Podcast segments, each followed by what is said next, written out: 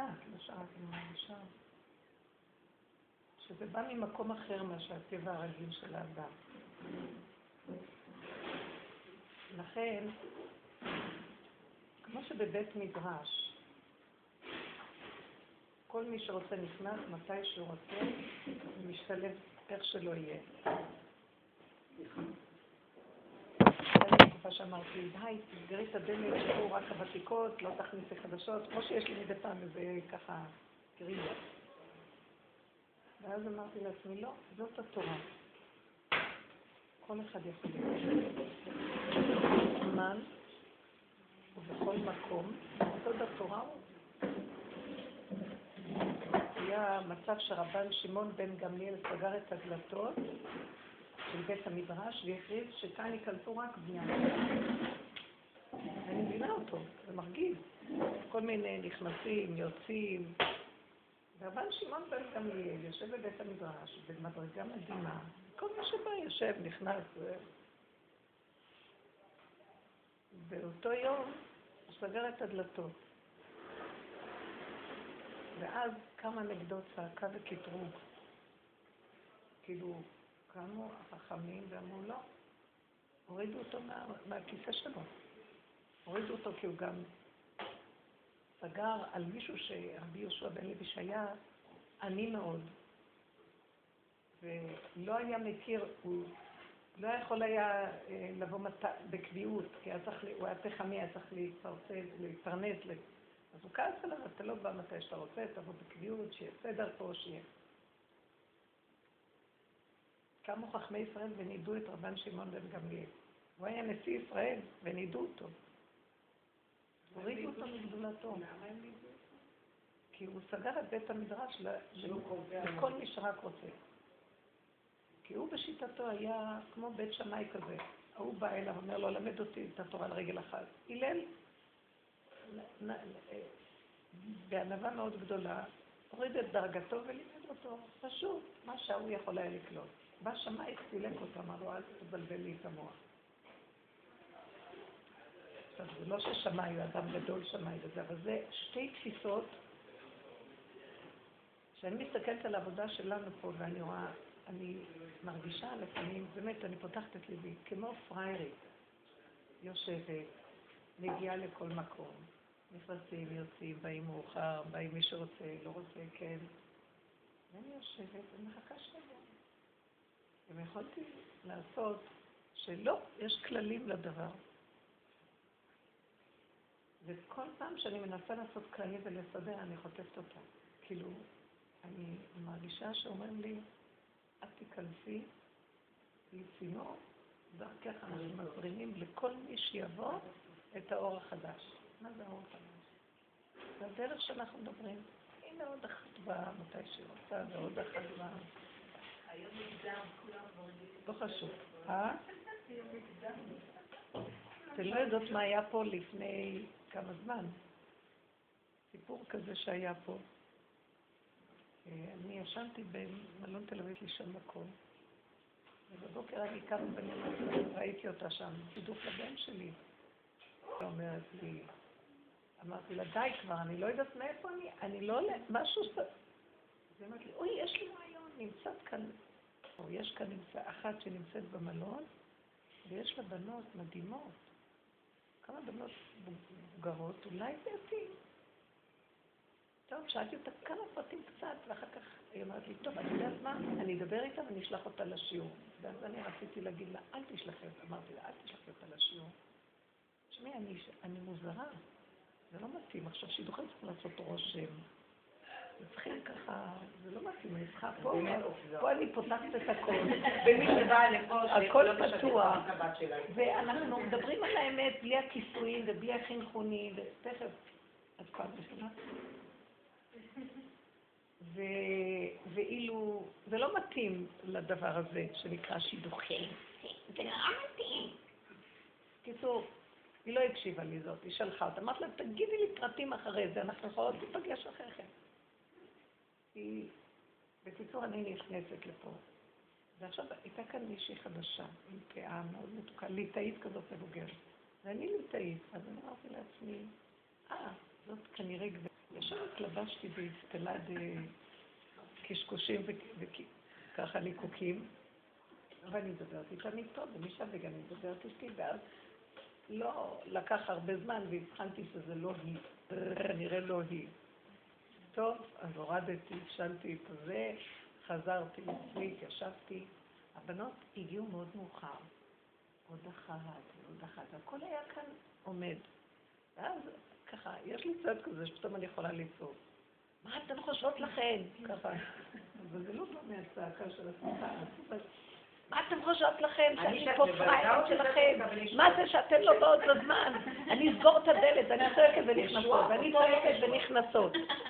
ואני אומרת, מה אתן חושבות? מה זה פה? אני יושבת פה ומחכה לכן.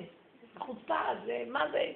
ואז נכנס אחת ועוד אחת ועוד אחת, וכל אחת אני צריכה להגיד מחדש, כי זאת לא שמעה וזאת לא שמעה, ואני צועקת, ואז פתאום הופיעו שתי נשים, אחת כזאת ככה, והשנייה הייתה, ואני אומרת, ואני לא מקבלת חדשות, שתדעו לכם לשיעור, אני לא מקבלת חדשות, נמאס לי כבר, אני צריכה כבוד, זה לא הולך ככה. ואז עכשיו, זאת שנכנסה לרגע, אומרת לי, שידוך. תשמעו, השם בא, מחק לי את המוח לגמרי מהסיפור הזה של... ואני חשבתי עכשיו, אצל רב אוסר יש איזה, יש כל מיני בנות מוזרות גם. הן עובדות השם משהו משהו, אבל לגמרי הפקירו, אין להם בית, לא משפחה, לא כלום אכפת להם, מסתובבות כמו משוגעות. אף אחד לא יכול לעמוד לידם. פעם אני חלמתי על אחת מהן שקוראים היא הולכת, שיער מפוזר, זרוקה, מקבצת נדבות, צוחקת, נמצאת אצל רבי שמעון, כל יום ישנה במקום אחר, את לא יודעת. ופעם חלמתי עליה, אני מכירה אותה עוד משנים אצל אושר, חלמתי על, שאני רואה אה, היכל של נשים מאוד מפוארות, עם כובעים, לפי המדרגות שלהם זה הכובעים, כובעים יפהפיים, כמו היכל האימהות כזה. ופתאום אני רואה אותה ביניהם עם השיער הפזור והכול. זה היה חלום ממש מדהים. לא. ידעתי שיש לה, היא בעלת מעלה. בקיצור, היא באה ואומרת, דוח, ואז חשבתי עוד אחת מהחברות ש... ישר חשבתי שזה... השם שם לי את זה במחשבה. עוד אחת מהחברות של רב אושר שהתחתנה שלוש פעמים ורוצה עכשיו עוד פעם להתחתן. כל המשוגעות האלה עליי. ככה חשבתי, תקשיבו. השם שם לי את זה במחשבה. ואז לא התייחסתי, אמרתי, טוב, שבי, שבי.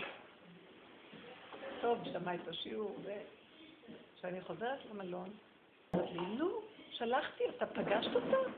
כי גם אחרי השיעור אני יצאתי ולא שמתי לב לאף אחד. אה, אמרתי לה, על מי את מדברת בכלל? לא זכרתי בכלל מהשידוך דבר ולא חצי דבר. היא אמרת לי, גברת זאת וזאת, שלחתי אותה אלייך. ראית אותה, היא באה עם עוד מישהי. ותוך כדי זה שהיא מדברת איתי, נפל לי פתאום האסימון ששתי אלה זה בקשר לשידוך. ואת אומרת לי כלום, ננעל לי המוח, השם סגר לי כלום. עכשיו, לא רק זה, היא פותחת לי עכשיו את הטלפון שלה ואומרת לי, בואי נראה לך את המשפחה. ואז היא מראה לי את המשפחה שפשוט התארחו פה אצלם במלון תל אביב, בהרכב מלא.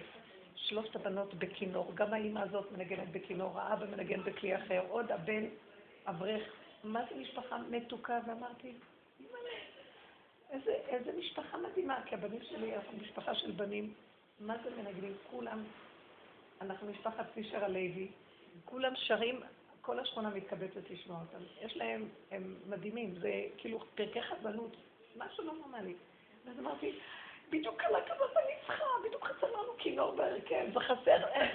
אה, בקיצור, נבהלתי, מה עשיתי? חרבנתי לעצמי את כל הסיפור כנראה. אמרתי לה, מוזר, השם לקח ממני, חשבתי שהעלייה של רבו של משוגעת. שכבר אמרתי, עוד, עוד, עוד אחת מהמשקעות האלה. לא נזכר לי כלום. אני יודעת שהיא בעלת מעלה, אבל תשמעי, אני גם, כמו שאני מעריכה את המעלות האלה, אני אדם מן היישוב, אני מחברת את שני העולמות, והיא פרקה את העולם. ואז אני אמרתי, לא, כזה, שלחה לי עוד אחת מהעולמות האלה, צדיקות שמתאימות לעולמות עליונים, אבל פה זה משהו אחר. היה לי איזה, בקיצור, היה לי, כאילו, ירד לי, אמרתי לה, תקשיבי, זה היה מזעזע, אמרתי לה, את לא מבינה. מה שהיה וסיפרתי לה, והיא אמרת לי, מה את אומרת? אמרתי לה, ככה. אני לא יכולה להבין למה השם עשה לי את זה. זה פשוט כנראה לא השידוך, אחרת זה לא יכול להיות. כי אם זה היה שידוך, היה מסדר לי מה שמתאים ומקובל. זה הלך דבר הפוך על הפוך. קיצור, בכל אופן אמרה, אני אתקשר אליה לראות מה היה. אז כן, היא הייתה, היא נהנתה הוא שמעה. ואז היא שאלה כמה פרטים, היא אמרה שהבן שלי הוא אברך, שהם רוצים מישהו שעובד חצי יום ולומד חצי יום. ניסיתי להגיד לה, לא נורא, כאילו, טוב, אז נמצא לו איזה משהו לעבוד, העיקר שתגיד לי כן, כאילו. בסוף ראיתי שזה מהשם כל הסיפור היה, עזרתי אחורה, אמרתי, תגידי לי, זה לא בורא עולם שסידר את התשובה? לא יכול להיות אחרת. אני לא ברשות עצמי, אמרתי לה. הוא מסובב אותי, והוא מביא לי, והוא מוליך אותי. וזה היה הצורה שהוא אמר לי, זה לא מתאים השידור. ממש, היה לי אבל צער, כי לשיטתי זה יכול כן להתאים. אבל השם סגר. זהו. מה, אני עכשיו אגיד לה, כן, הוא ילך לעבוד? אז היה כזה, אבל ראיתי סיפור כזה ש... תראו את ההשגחה, איך היא מגיעה, וזה הדרך של רבושה, בצורה הכי ביזיונית שיכולה להיות. איך נצטיירתי בעיניה בכלל. וגם היא נראתה לי מכה הזאת כמו איזה, מה זה כאן הדבר הזה? כן, זה היה נראה לי. אבל באיזשהו מקום אמרתי, האמת היא לא כמו שמה שאנחנו רואים. אנחנו חיים בתרדמת מאוד גדולה. כדור הארץ הוא המקום הכי נמוך, שעיקר מדור הקליפות הוא פה. רבי נחמן אומר, כולם אומרים העולם הזה, העולם הזה, ואני אומר, אין העולם הזה, יש גיהנום. העולם הזה זה הגיהנום. וכולם בתרדמת, שקועים. אני לכם את האמת. השם שולח מדי פעם נביאים, שלח את משה רבנו, שלח. ירד כאן איזה חוט של אור, אבל בשנייה שכל הקליפות עטים על החוט הזה ומבלבלים אותו.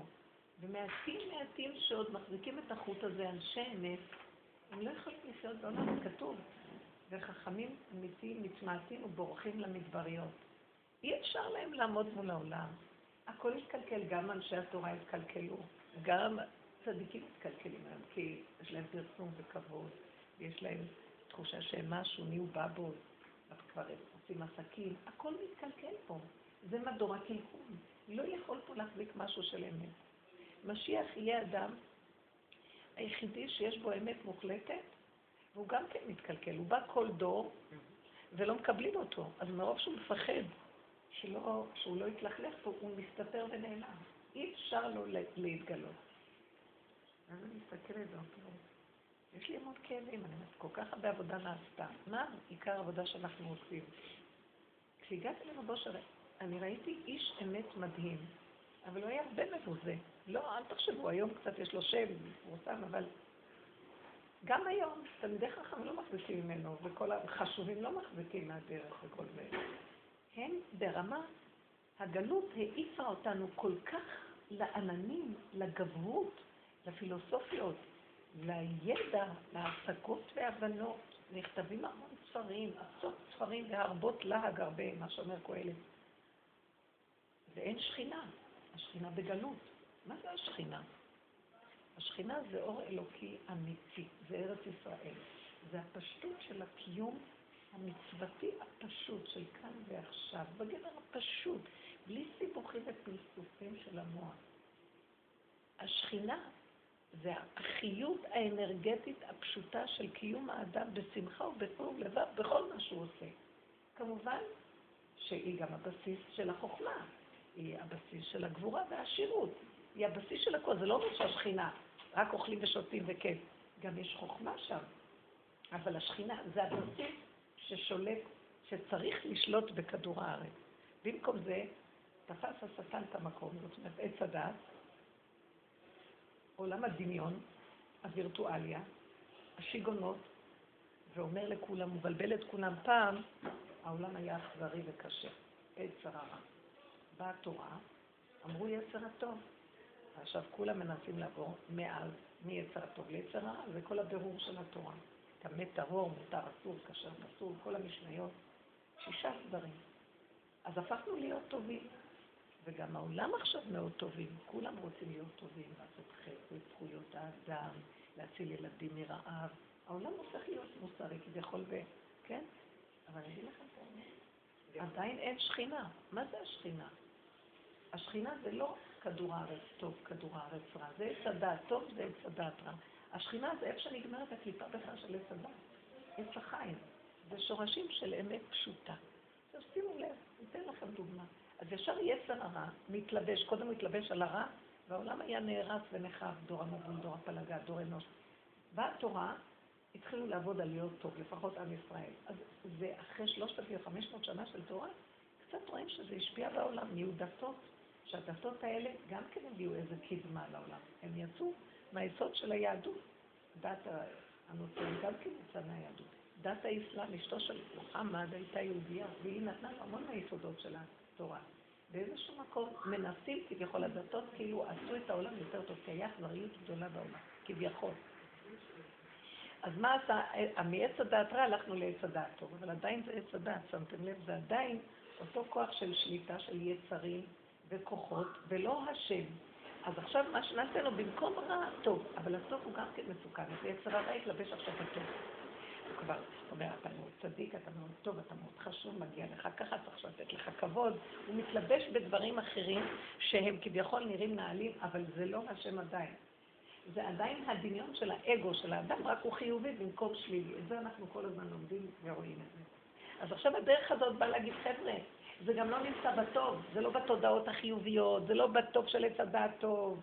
כל דבר שאנחנו, ועץ הדת מגדיל כל דבר, ורוחני. עכשיו, לקחו אותנו לרוחניות, נהיינו גבוהים, הגלות לקחה אותנו גבוה, רוחניות, מעיפים אותנו בשמיים. כל התורה היינו בשמיים, כמה פלסופים. אני נתתי לך הבטחה לארץ ישראל, נתתי לאבות ארץ טובה, ארץ מצוינת, ארץ נהדרת, יש לכם הבטחה שאני נותן לכם. חוץ מזה, צריך לחקור אחרי שהשם, אחרי שהשם אומר לנו שהכל בסדר. לא צריך לחקור. אבל השם בעצמו אומר למשה, שלח לך אנשים. אתם מצד הבני אדם, יש לכם פה בחירה. ולא מספיק שאני אגיד לכם משהו, אני גם רוצה קצת אה, פידבק, מה שנקרא, תתנגחו איתי, תתחככו איתי. אה, תגידו גם אתם מה יש לכם להגיד. השם רוצה את זה, הוא רוצה שבן אדם יביע דעה, הוא רוצה שבן אדם יבחר. יש מה שנקרא בחירה. ואחר כך מתוך העבודה שלו הוא יסיק שמה שהשם אמר זה מושלם, אבל לא לפני. הוא לא רוצה שאדם יהיה גולם, הוא רוצה כן שבן אדם יתבונן, יסתכל, יתנסה, יחשוב, ובסופו של דבר הוא יכיר שאין עוד מלבדו ואמת מוחלטת כל מה שהשם אמר. אז זה עכשיו לא בגדר, קודם זה היה בגדר רעיון שהשם נותן לנו, כאן זה בגדר אמת, כי כבר עברת את החיכוך מעצמך, ובסוף התיישבו עליך הדברים. הוא אומר לו, שלח לך. משה רבנו שולח את האנשים הכי חשובים בעם ישראל. שולח ראשי שבטים. אתם צריכים להבין מי היו ראשי השבטים. כל הדור ההוא נקרא דור דעה שאין דור כמוהו מבחינת האור של הדעת. חוץ מזה, הדרשים שלהם. הם היו צדיקים ותלמידי חכמים עצומים שמשה רבנו היה הרבי שלהם. אתם צריכים להבין, אם משה רבנו הרבי תלמיד צריך להיות לפחות קרוב איכשהו. היה להם, בקיצור, היה להם מוח אדיר של קליטה רוחנית והבנתית של התורה. הוא שולח אותם, ותראו מה קרה. הם מורידים את העם, חוזרים עם רוח נכאה. מה הם רואים? הם בעלי דת והשגה ענקית, אדירה. הארץ נראית להם פשוטה מדי. אנשים גסים, חומריים, אנשי מידות, ככה מה נגיד, ערבים כאלה גדולים, מפחידים, שאין להם בושה ואין להם עידון, ומה, אחר כך כל היום פה מלחמות, הורגים אחד את השני פה. הם אמרו, רגע, זה ארץ שאי אפשר לחיות פה ככה. הם באו לארץ ישראל, למדבר בחזרה, והביאו מורך בליבות העם. למה הם התנהגו בצורה הזאת?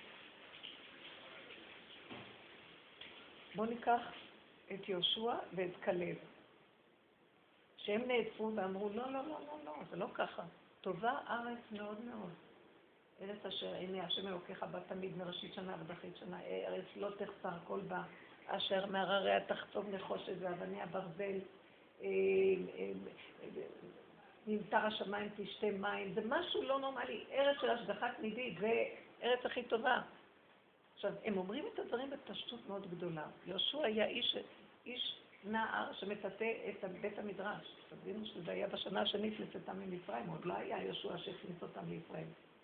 אה, כלב בן יפונה היה משבט יהודה, לב, לב, אדם פשוט, נפש זה לא המוח הגבוה, זה הנהגה פשוטה של הקיום. תודה. אז הם אומרים לעם, זה לא כמו שזה נראה. שימו לב מה קורה. למה אני מביאה את ההדגמה הזאת? הגלות מסמלת את ראשי השבטים וההנהגה שלהם במדבר. זה הנהגת המדבר. הלכנו לגלות מדבר העמים, נכון? זה נקרא מדבר העמים. נהיינו מרחפים, מלא ספרים. אי אפשר, לא היה לנו מצוות מעשיות, לא היינו בארץ ישראל. רוב המצוות זה קיום בארץ ישראל. 200 מצוות רק קשורות למקדש. עוד 50 מצוות קשורות לשמיטה, לזה, כל מיני דברים שתלויות בארץ ישראל. כל כך הרבה, רוב המצוות תלויות בארץ ישראל. שאר המצוות שקיימנו אותן בגלות, קיימנו רק בשביל שלא תשכח מפי זרוע, אבל באמת, באמת, אין לנו קיום בגלות. באה אפשרות להיכנס לארץ ישראל, אנחנו בארץ ישראל היום, אנחנו יושבים, קיבוץ גלויות כזה אדיר שעוד לא היה כדוגמתו. ההנהגה הרבנית וההנהגה של העולם החרדי שהוא בין התורה, בני התורה, היא הנהגה של גלות. לא רוצים, לא רוצים להבין שכאן מתחיל, שיש כאן תהליך של התפתחות גאולתית ממש גדול. לא, לא, לא, הכל שם לגלות, לגלות, לגלות.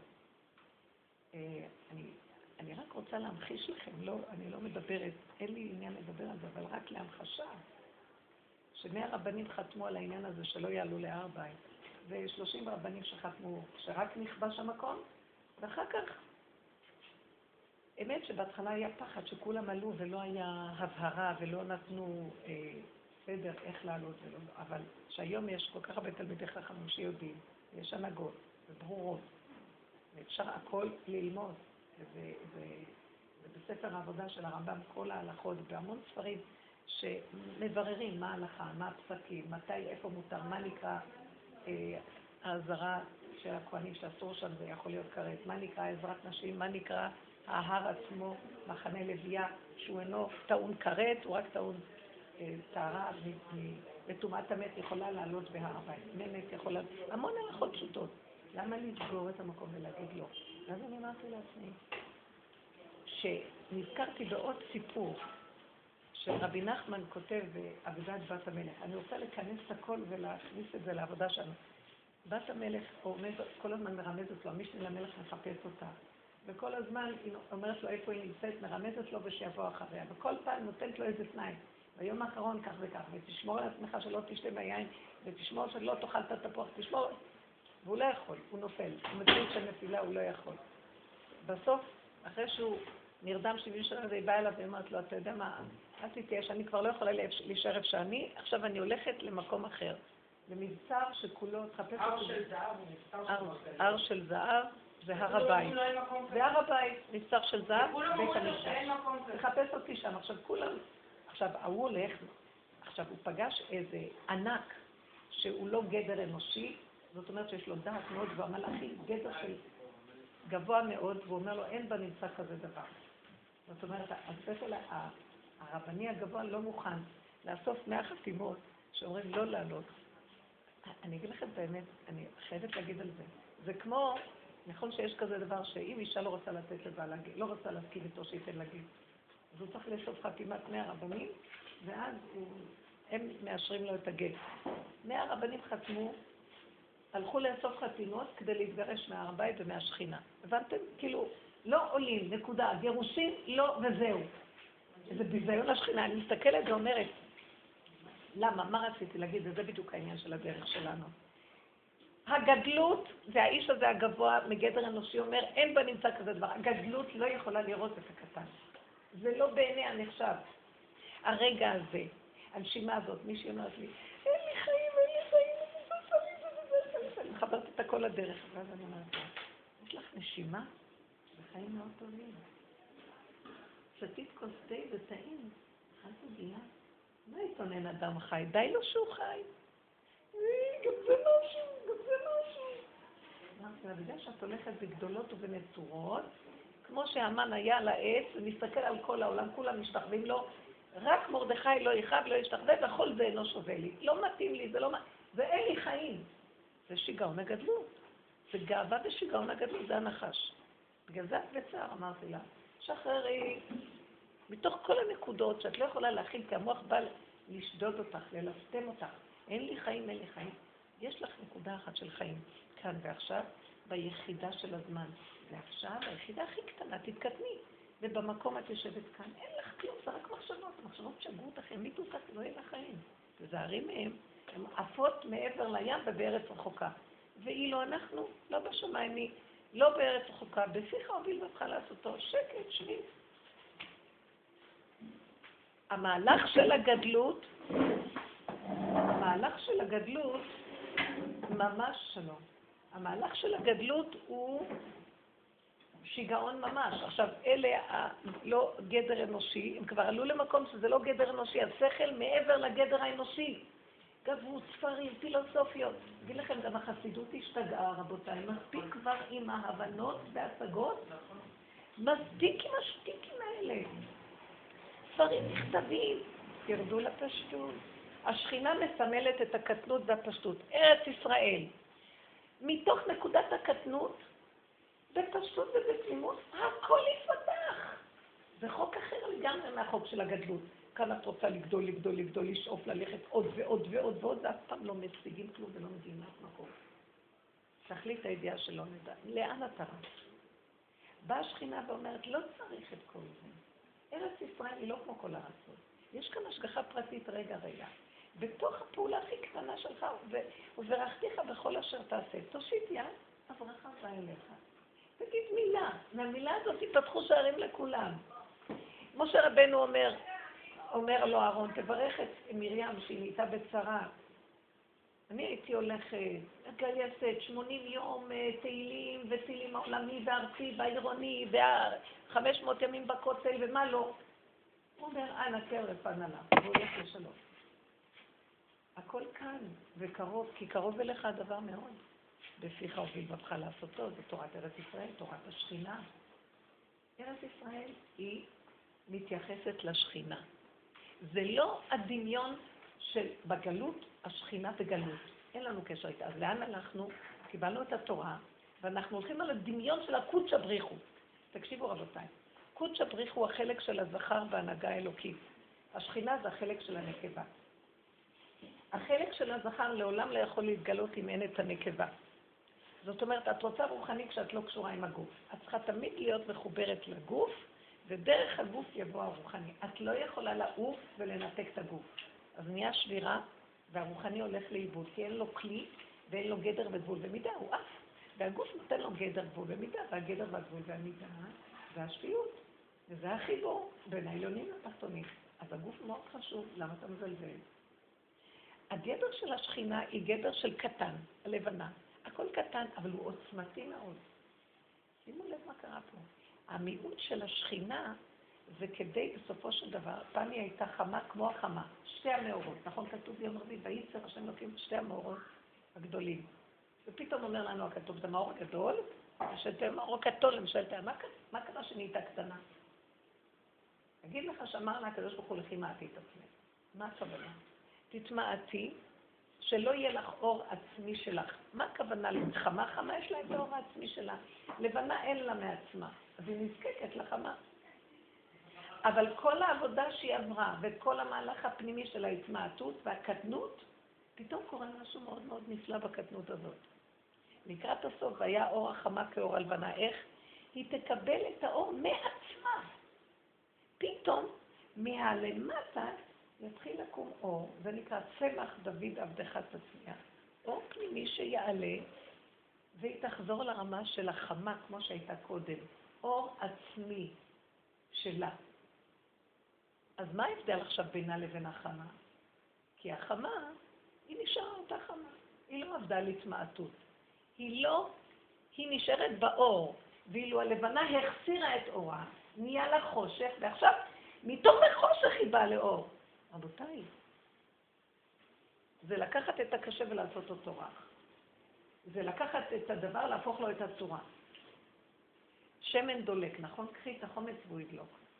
זה מה שקרה כנראה. תגידו לי איזה מעלה יותר גדולה. ואין המעלה הזאת של ההתמעטות, עכשיו, ארץ ישראל מונה ללבנה. ארץ ישראל היא השכינה, היא הקטנות. אנחנו בגלות איבדנו את הסוד של הקטנות. רב אושר היה אמן הקטנות. מטבח כזה קטן, מאות אנשים כל יום אכלו שם. מחבת קטן, עשה מלא חביתות להמונים. זה משהו שאי אפשר להבין אותו. מאות אנשים זרמו שם כל היום אנשים. לא היו מחיצות בין גברים לנשים. אף פעם גבר לא נגע באישה. זה כאילו איזה יד נעלמה עושה סדר. הוא היה מבוטל והכניס את השכינה. זה בית של שכינה. בית קטן, שני חדרים. שני חדרים וחצי. מטבחון, אי אפשר לתאר את זה מטבחון. קחו את הפינה ההיא, תסגרו מפה לשם. והכל בצורה שאי אפשר להבין. מהכלום הברכה צצה. ואף פעם הוא לא, זה לא ש... הוא לקח מכל אלה שזרקו את כל הפסולות, כל הירקות השווה, באו אליו. ומשם הוא היה עושה, שימו לב, מהכלום נוצר משהו. מהחומץ נהיה שם. מאבן מה עשו הבונים הייתה לראש פינה. מעז יצא מטוס. הפוך לפוך. תגידו, בטבע זה לא עובד. בטבע אנחנו רואים זה, הולכים, קונים את הבגדים העיקרים האלה, 200, 500 שקל כל בגד, בגמחת כל המשהו הכי קטן מה טוב, ויכול להיות טעימה. אתה יכול גם לקחת משהו קטן יפה בכמה ראשים, והוא יראה מאוד טוב. זה לא מחייב שלא נקנה בגד יפה, זה לא אומר, אבל התפיסה של הגדלות השתגעה, ואנשים עמלים בשביל השיגעון הגדלות. לא צריך להתלבש לחי ערומה, רק שבי בבית תהני מהקפה שלך וגמרנו. איזה חיים אלה, כל היום לעבוד בשביל להשיג, לעבוד בשביל להשיג, ואף פעם לא מספיק לנו די. התפיסה של הקטנות זה ארץ ישראל. רבותיי, אנחנו צריכים להתחיל להיכנס למוח החדש של ארץ ישראל. ארץ אשר עיני השם אלוקיך ואת תמיד מראשית שנה ועד אחרית שנה. את לא תחסר כל ואת לא צריכה לעשות פעולות מתוך הדבר, דבר צומח. מתוכו הדבר יוצא. אז איך נגיע לתפיסה הזאת? כל העבודה שעשינו במשך כל השנים, היה דבר אחד בנות. איך לרדת משיגעון הגדלות. שמתם לב מה עשינו פה? אפילו לא נגענו בשכינה. לא, זה, זה שיעורים אחרונים שאני מדברת עליהם. רק עבדנו, תכירו את המפלצת הזאת שיושבת על הכיסא, תכירו את המנגנון של המדוזה, שיש לה כן ויש לה לא. קלה של המאזניים, ואף פעם אנחנו לא בקו האמצע. קו האמצע זה השורשים. עץ הדעת טוב ורע, אמר לא לאכול ממנו כולו, לא מהטוב שלו, לא מהרע שלו וגם לא מהטוב שלו. עכשיו שאכלנו ואנחנו רוצים לחזור בתשובה, אז אנחנו קודם מזיזים את הטוב, את הרע לטוב, ועכשיו הטוב הזה צריך לרדת גם כן, כי לא צריכים את הטוב הזה, לא צריכים את הרוחני ואת הגדלות. צריכים את העדינות, את הפשטות, הקטנות, את ההכנעה, הענווה, והקטנות והפשטות. זה מאוד קשה איך לעשות את זה, אחרי שבדורות עתידים כולנו עפים על עצמנו, אם רוצים להגיע ולשאוף. תראו איך נראית התרבות. או תואר, או תואר, או תואר. לא גמרו מסכתות, מסורים המטרה. טוב, לפחות מסכתות התורה הן חשובות, לא גומרים, חוזרים אותן, אבל מה התקלקל פה? שרוצים להגיע למדרגה מזה. התורה צריכה להיות נלמדת ולא חייבת להיות מדרגה. אנחנו לא לומדים בגלל להשיג מדרגה. אנחנו לומדים כדי ללמוד. ולא חשוב אם האדם הזה יש לו פחות כישרון, האדם הזה יותר. אנחנו נסתווינו לקבוע עיתים וללמוד. ומי שיש לו יכולת יותר, שילמד יותר. אבל נהייתה תחרות, נהיה קנאת איש מרעהו, נהיה משרות רמות, נהיה... אפשר לש... הכל התקלקל. גם בתורה התקלקל הכל. נהיה גדלות. עכשיו, ברוב שגדלו, זה קטן עליהם. תדעו, הר הבית מסמלת את השכינה. בית המקדש מסמל את השכינה. שמתם לב? השכינה היא הכוח של החיות האלוקית בכדור הארץ. תעזבו עכשיו את הקודש הבריחו הזכר. זה דמיון. כי יש תורה ויש בפשטות ועושים דברים. שימו לב, אני רוצה להגיד לכם נקודה.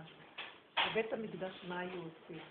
בית המקדש היה מקום שעיקר עבודת בית המקדש נקרא. הקרבת הקורבנות, סידור המנורה, לשים את לחם הפנים והקטורת של המזבח הנחושת, המזבח זהב. הייתה עבודה. לא היה שם ספר אחד, ספר אחד לא היה שם. עכשיו, לשכת הגזית, ששם ישבו 70 חכמי ישראל, זקני ישראל החכמים, ישבו קרוב למזבח, כן, היו שלושה בתי דינים, ליד השער של הר הבית, הכניסה, ליד שער האזהרה, ובתוך אה, בתוך עזרת אה, ישראל, נראה לי ששם ישבו לשכת הגזית. עכשיו, לשכת הגזית לא היו יכולים ללמוד ולחדש תורה עד שלא הקריבו את הקורבנות. ואז הם היו, אה, יש סדר העבודה, ואחר כך הם היו אומרים קריאת שמע, וזה, ואז נכנסים לדון בדיני תורה. שמתם לב שזה נקרא התורה. דיני תורה, קודם כל צריכים את השכינה, צריכים את העבודה, צריכים את הקרבת הקורבנות. מה כתוב? מה סנהדרין אצל המזבח? כי קודם צריך להיות הקרבת קורבנות, ואחר כך יש להם עולה האורות, לריח ניחוח, השכינה מתעדנת ומתפנקת, העולמות מתפנקים, ואז מורידה אור, שעכשיו אפשר לחלק לחכמים להיות חכמים, ולכל ההנהגה של כל מיני עשירים היו באים לתרום, ואז היה עשירות, וכל, הח... וכל אנשי הצבא שצריכים לעשות עבודות ולהילחם, היו מקבלים כוח מהשם. אבל השכינה היא המחלקת, היא חילקה גם לחכמים. היום, כאילו השכינה בגלות, והחכמים מצד עצמם חיים. נכון שתמיד השכינה בתוך התורה, אבל כמו שנקרא, לא זזה השכינה מכותל המערבי, אבל הכותל נראה עלוב, סליחה שאני לכם. כן, גם התורה נראית עלוב ככה. נכון, לא זזה שכינה מהתורה, תמיד יש שכינה בתורה, אבל זה לא זה, רבותיי, זה לא זה, זה לא זה. איפה נביאים, איפה החכמים האמיתיים, איפה הסמדרים, לשכת הגזית. אין היום חכמים, זה אומר בכל זה בכל כל הדתיות הזאת, כל אחד אומר משהו אחר, אה, אה, מחלוקות, זה, אין, אין אחדות, אין מנהל, אין הנהגה. עכשיו, לא צריך שיהיה, בסוף יהיה מנהיג כזה, מלכות בית דוד, אבל האמת והישרות הייתה מנהיגה את כולם במילא, ואיש היה נכנע לשני, וכל אחד היה מקבל, אחי, אתה הכי חכם בזה, תגיד לי מה לעשות. ואז החכם שאומר לו מה לעשות, תגיד לו, מתי מאוד חכם בזה, תגיד לי אתה מה לעשות בזה. כל אחד, ולא עם הקנים ישברהו. הייתה שכינה יורדת לעולם, חיים טובים, גן עדן. עכשיו, כל זה תלוי במקום הזה שבהר הבית. אנחנו מסתכלים ורואים שזה דבר מדהים. הר הבית נמצא אצל הערבים. הייתה, הייתה עלייה, אה, עלו יהודים עולים, ועכשיו מאוד רצו לעודד, אז משטרה רצה לעודד את היהודים, וזה ברמדאן, דווקא שיעלו ולא יודו. הסיפור שהיו שם מלא אה, ערבים שיצאו מהמסגד של אל-אקצא ושהסתובבו בהר הבית. הר הבית לא קשור לערבים. מסגד אל-אקצא, בוא נגיד, ואם מודדים את המסגד, הוא אפילו, יש מצב שאפילו הוא לא נמצא בשטח המקורי של הר הבית, בדרומו של ההר, 500 אמה ל-500 אמה זה הר הבית המקורי. ואל-אקצא בכלל נמצא בחוץ. מה, למה נתנו להם את ההר כולו? לא חשוב, כבר כבשו את המקום. הם עומדים שם וצועקים אללהו אכבר, אללהו אכבר. היא אומרת, מישהי סיפרה שהיא עברה שם והיה לה חרדה, אבל המשטרה כיתה אותם, והיו שם שוטרים שנפצעו, כי הם ניסו לעצור את ה... וערבים, אני פתאום, כשהיא סיפרה לי את זה, הזדעזעתי, אמרתי לעצמי, ריבונו של עולם, הם נמצאים בהר, הם אומרים, השם הוא גדול, האלוקים גדול, והשכינה שומעת השם הוא גדול, היא מפרגנת להם. והם המונים, ואנחנו היהודים מסתפקים בהר למטה. כשהמקום הוא בעצם, דוד המלך בנה אותו כי כתוב בתורה לשכנו תדרשו בדברים. פרק ב' המשבט, לשכנו תדרשו, באת שמה. אתם צריכים לחפש, דוד המלך ישב עם שמואל אני וחיפשו את המקום הבית. ואז לפי גד הנביא הוא אמר לו, גורן ארוונה יבוסי, הלך קנה את המקום, בנה שם מזבח. השתדל לחפור את יסודות, הוא השתדל בזה, ואז ידוע שזה המקום. לשכנות תדרשו, תחפשו את המקום שהשם רצה להשכין את שמו שם, זה נתון לבני אדם. ומצאנו שזה המקום, וזה היה בית ראשון, בית שני. מה הערבים עושים שם? אבל הארץ נכבשה על ידי צלבנים, ואחר כך על ידי ערבים, אין מה לעשות. אבל כבר כבשנו בחזרה, זה כבר שלנו. להמשיך לתת להם את זה. מסתכלת ואני אומרת, אתם יודעים מה ראיתי? עד שהם לא יורידו את הערבים משם, כל היום יהיו פיגועים ומלחמות והכל, כי ברגע שעולים לשם והשכינה יושבת שם ועם ישראל עולה בגדר המותר, לפי ההלכה, סובלים, עולים, עומדים, לא פורצים גדר עד שאין אפר פרה, אי אפשר. בכל אופן, רק היינו עולים וכולנו צועקים אללהו אכבר. היהודים היו צועקים.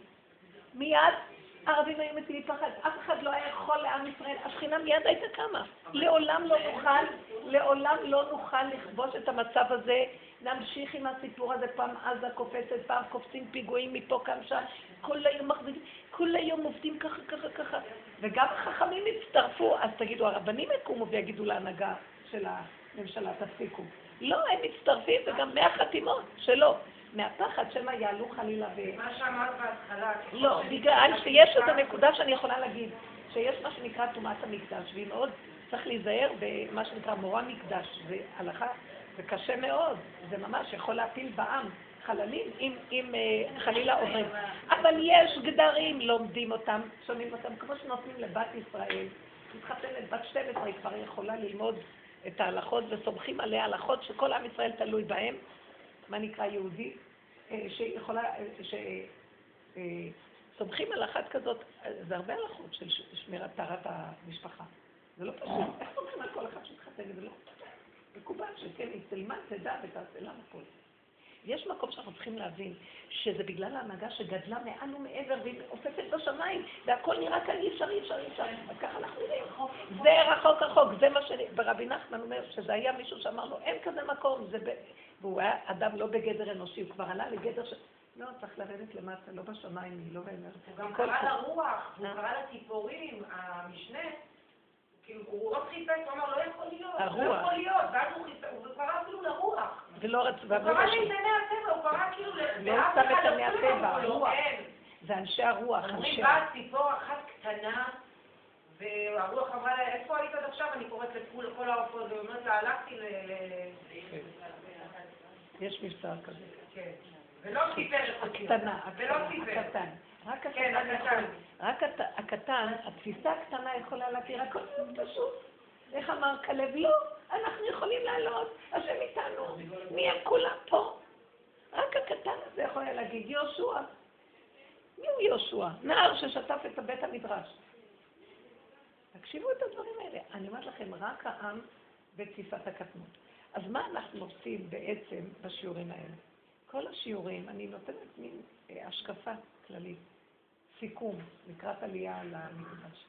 אה, אנחנו פשוט אומרים, טוב, אנחנו צריכים להגיע לקטנות, אבל רבותיי, הדרך ארוכה, אנחנו חמש, עשרים שנה נגלה בדרך.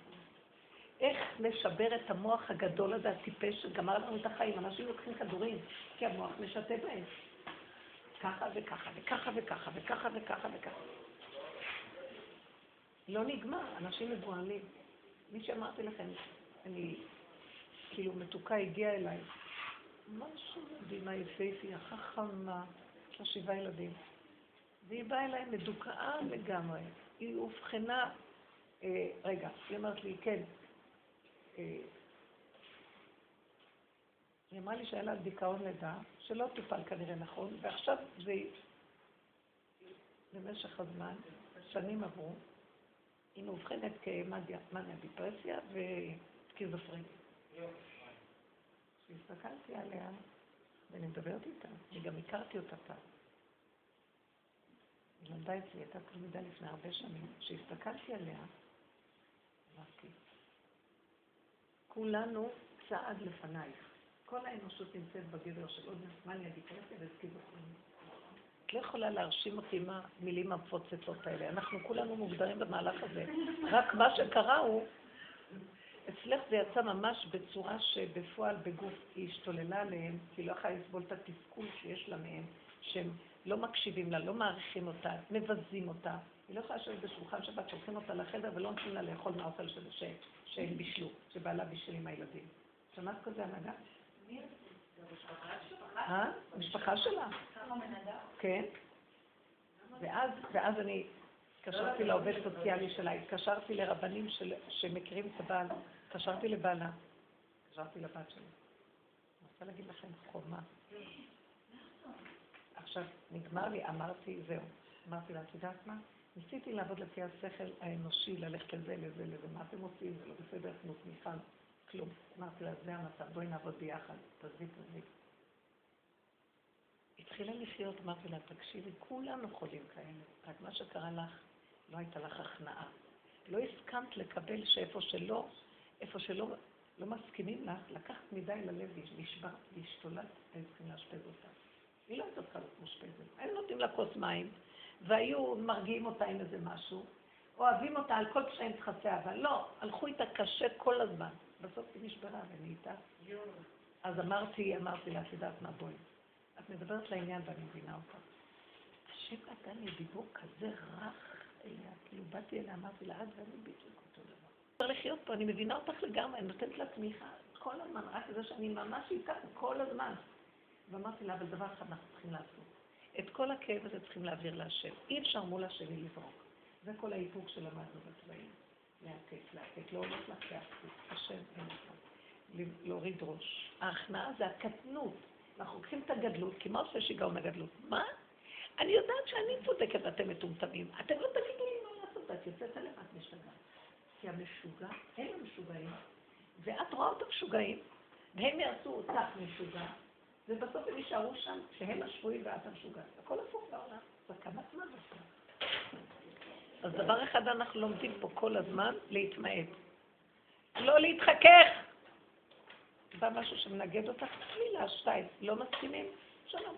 זה לא אומר שאת צריכה להיכנע להם ולקבל את דעתם, זה אומר שהם לא פרטנר שלנו. אני לא נגדך, בעד עצמי.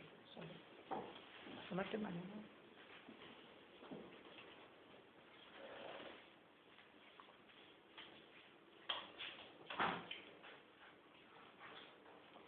המהלך הזה, עבדנו שנים להכיר מהו המנגנון של עץ הדעת. תדעו לכם, תיכנסו לאתר, תמצאו מסודר דברים. השם נתן איזה, לא יודעת, בתוך התוהו ובואו לעשות סדר, זה לא נורמלי. המון בנות עוזרות לי בזה. כי אני בתוהו ובואו, ואז לא. למדנו אותו. אני יודעת מהו, מנגנון משוגע, עץ הדמיון. סבך של יער, ואין לו דובים ולא יער. הכל דמיון, הכל וירטואלי.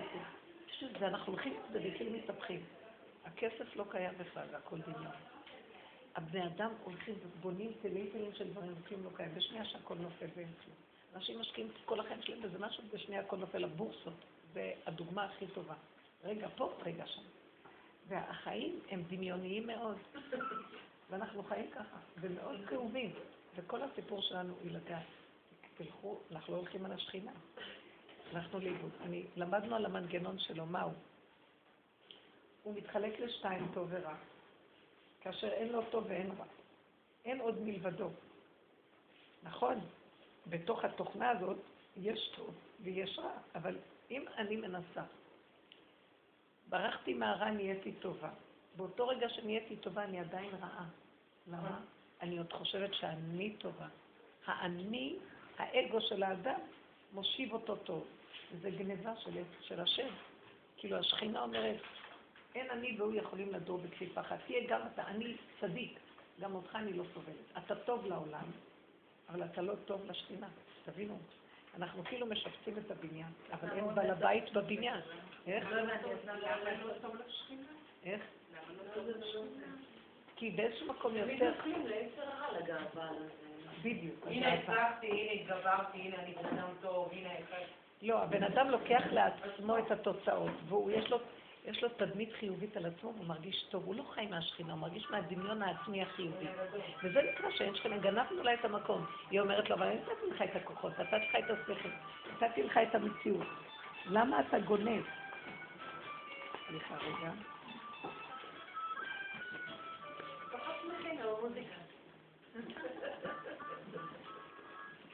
כל היום אני מחטטת בתיק הזה. זקנה כבר, אין זיכרון. אני איתך הרבנית לגמרי, לא קשור לזה. מאיפה בוקע כל הזמן?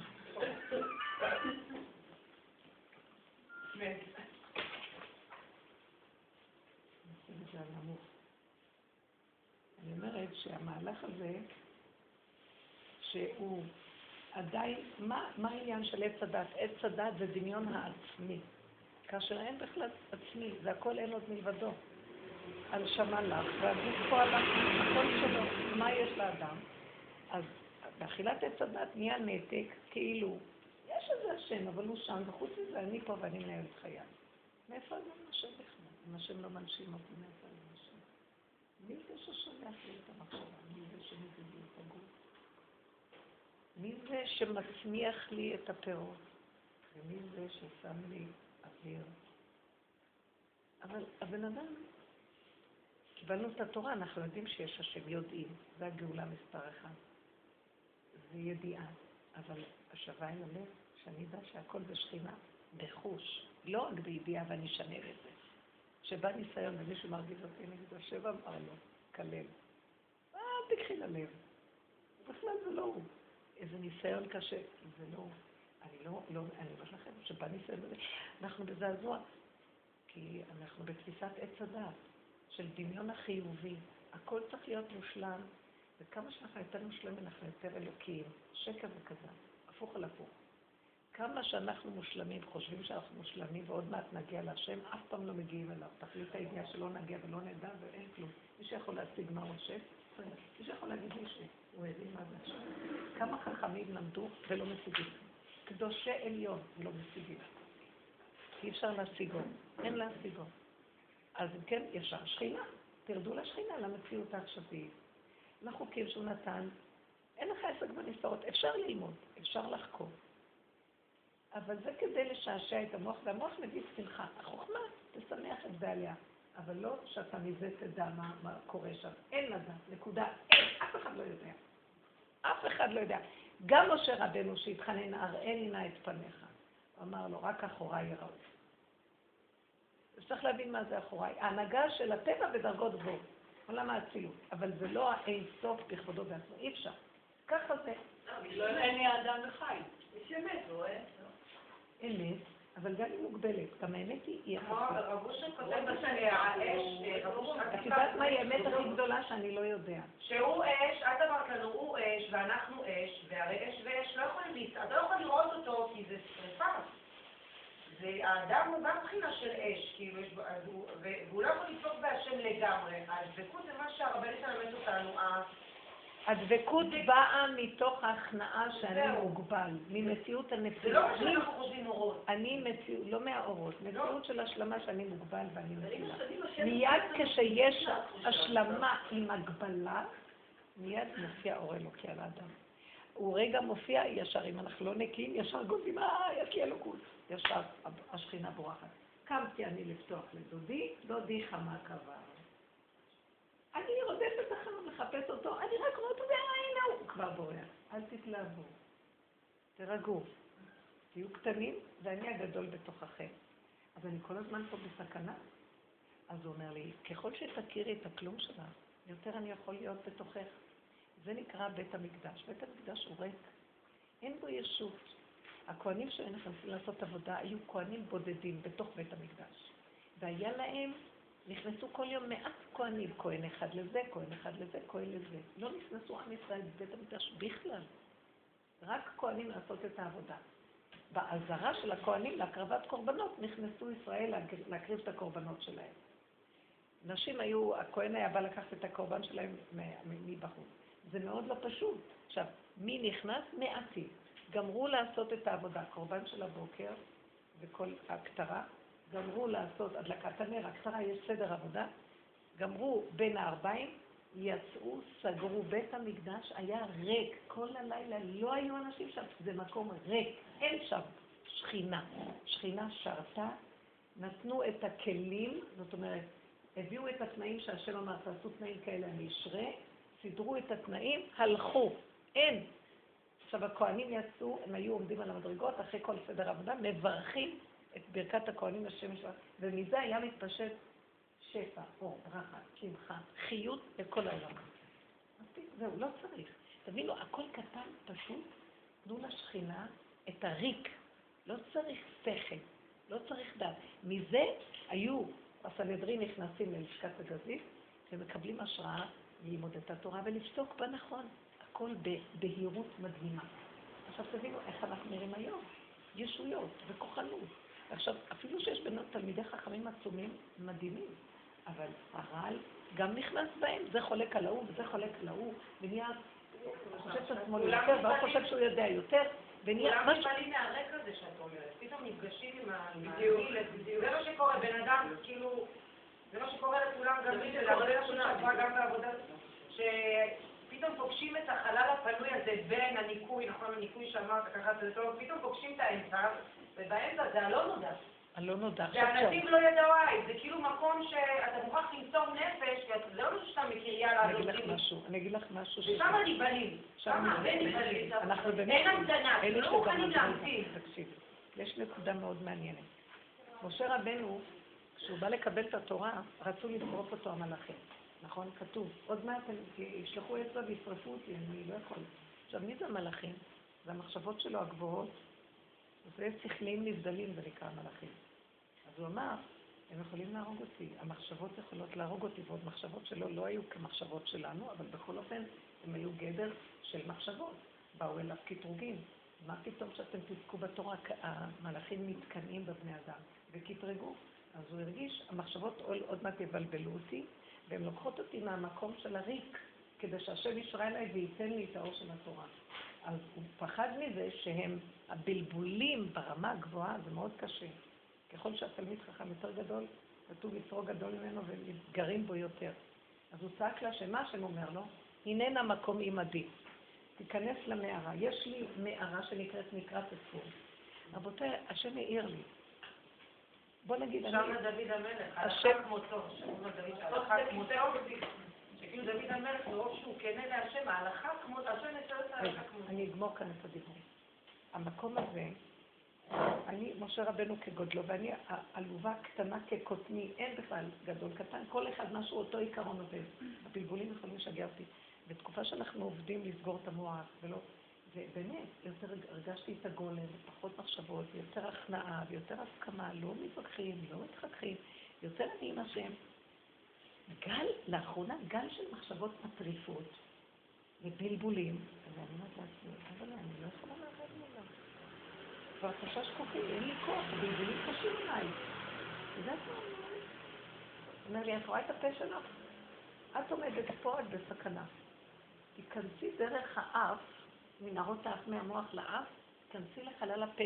את רואה את הפה? נכון, יש לו מערה כזאת? נקראת עצור. נקראת עצור. הנה עצור, הסלע זה הלשון. תיכנסי שם, כן, כן. תיכנסי שם ותעשי ככה, ותדברי, יש שם לשון, תדברי. פשוט, תשמור עליי. שם אני שומר עלייך. אל תלכו למחשבות בכלל, מחשבות לקראת הסוף. רבי נחמן אומר לקראת הסוף, יירו באוויר באפיקורסות, ישגעו את הבני אדם, אנשים ישתגעו.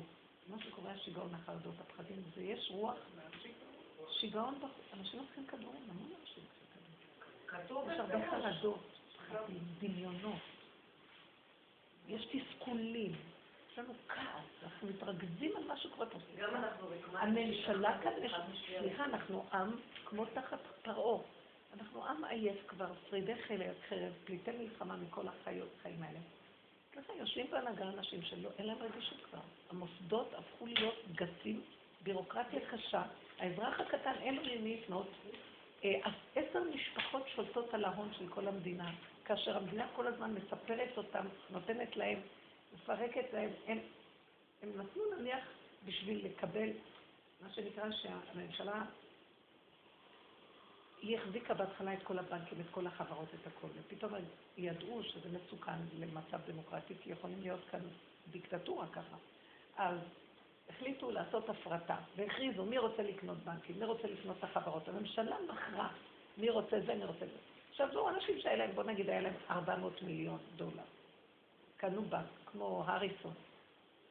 קנה אבא שלה, קנה את בנק הפועלים. דוגמה. עכשיו, בשביל לקנות בנק הפועלים הוא צריך לתת, שיהיה לו שתי מיליארד דולר. לא היה לו. אז הממשלה הבאתה לו. עכשיו, הוא לא יכול להחזיר את החוב. אז הממשלה מספרת לו את החוב. זאת אומרת, אומרת לו, לא נורא. וככה הוא המיליארדר, שאין לו כלום, ואנחנו אלה שנותנים את הכסף, כי האזרחים, מאיפה בא הכסף למדינה? מה, מהאזרחים, מהמיסים. עכשיו, אה? אני לימדתי בהיסטוריה, 1984 של ג'ורג' אורווי, פשוט. אז תבינו, בדיוק זה מה שקורה. אז נהיה מצב כזה שאנחנו תומכים בהם, והם אומרים לנו, שתוק, תצאו מהבנקים, אתם לא תיתנו, יבואי לכם וזה וזה, גומרים עלינו. שאנחנו בעצם אלה שמחיים אותם. אנחנו הקדמנו אותם. וזה הפך להיות, זה לא שאנחנו, כל המערכת גנובה, ואנחנו תקועים, אפילו לא יודעים את זה. אתם מבינים באיזה מצב? עכשיו הוא אומר לי, אם תצאי, עכשיו, אם יצאו, קמו אה, צדק חברתי, עמותות, כלום, כולם משתתקים, הם לא יכולים להם. יש להם מונופול, הם ממש... הם מחוברים אבל לסדר עולמי חדש, שזה אובמה, והם מחוברים לטייקונים ששם. הכל מחובר, וכל העולם בנוי ככה, והפשוטים אין להם חיים, והם עבדים לקיום שלהם. סליחה רגע, אני לא רוצה להתעכב על זה. כל המערכת עכשיו, הבן אדם עומד מול התסכול, והוא צועק. אם הוא ימשיך לצעוק, ישימו אותו בבית סוהר. מי שמגלה את הדברים, תופסים אותו, שוברים אותו, שמים בבית סוהר. אתם לא מבינים מה קורה. והעם הפשוט אין לו כוח. עכשיו, אם אנחנו נקום ונעשה נרצה יושר, ברור, או שנשתגע וניקח כדורים, כי את לא יכולה מול הנחש הבירוקרטי הזה, את לא יכולה, לא, אין לו, אין לו לב, אין לו כלום. ככה וזהו, תצאי, תרדי. או שישימו אותך בצורך, כמו שהיה אחד, שמו אותו, התימני הזה, איך קראו לו? איך זה שולה? שהוא היה איש אמת ויושר גדול. אני הייתי בחצר. שלו. אה? הייתי בחצר שלו כמה שנים, הוא היה מחלק אוכל לאנשים נוראים ביום שישי, כמויות.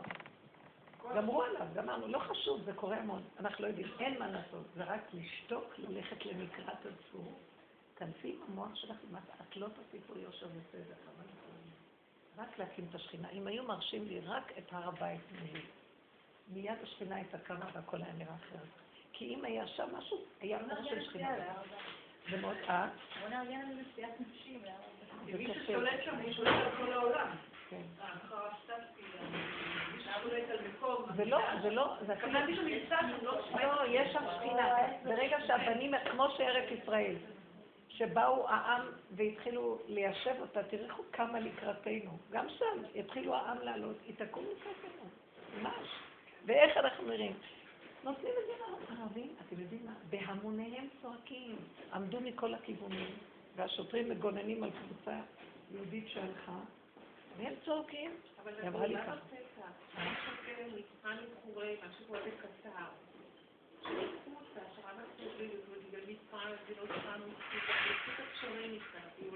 והיא סיפקה את הטרור, זה סימן של גאולה.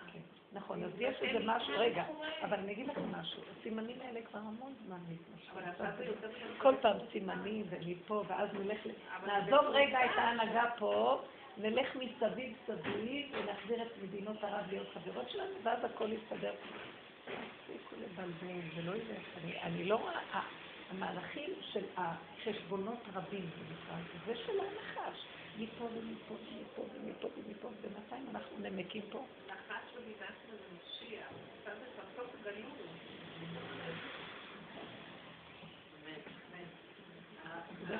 הערבים, הערבים הם יודעים את האמת, הם יודעים את האמת. למשל הרב חשבתי מספר שבכותל התחילו להגיע יונות שם, עד עוד כשהכותל אה, לא חזר אלינו. ואז אה, בן אחד אומר לאבא שלו, אה, מוסלמי, אומר לאבא שלו, אה, אבא, יש יונים. יונים, הגיעו יונים, הגיעו יונות, היהודים הולכים לחזור לכאן. הם יודעים, גם כשיצאו מים מקודש הקודשים, יצאו מים מהוואקף ברק, כי הם יודעים לפי הדברים שלהם שזה הולך לחזור אלינו. כן, הכל, הכל. קשה, זה נכון. רגע, בנות. אני לא רוצה לדבר על זה, כי זה נכון במחשבה. באמת, זה יכול להיות תהליך של עוד המון זמן, אם אנחנו לא נתעורר. ההתעוררות לא צריכה להיות שנעלה לשם, לא לזה אני מתכוונת. של מה? זה זה אבל למה לא? זרק לנו את הכדור, כל איש, כל אישה, כל ילד, כל את זה. זה צריך להתחיל מפה. זאת העבודה שאנחנו עושים. למה לא לקרוא לזה חלק מן הלשון? למה זה לא... כי אם אנחנו הולכים לשם, ואין לנו את העיקר של העבודה, מתוך הכנעה, מתוך שאנחנו לא נגד הערבים, אנו בעד השכינה. כי אם אנחנו נלך ונתחיל ללכת עם חיכוכים כאלה, זה לא טוב. כי הם לוקחים את הכוח הזה ומתפרנסים ממנו. הכעס נותן להם כוח ואז הם משתלטים.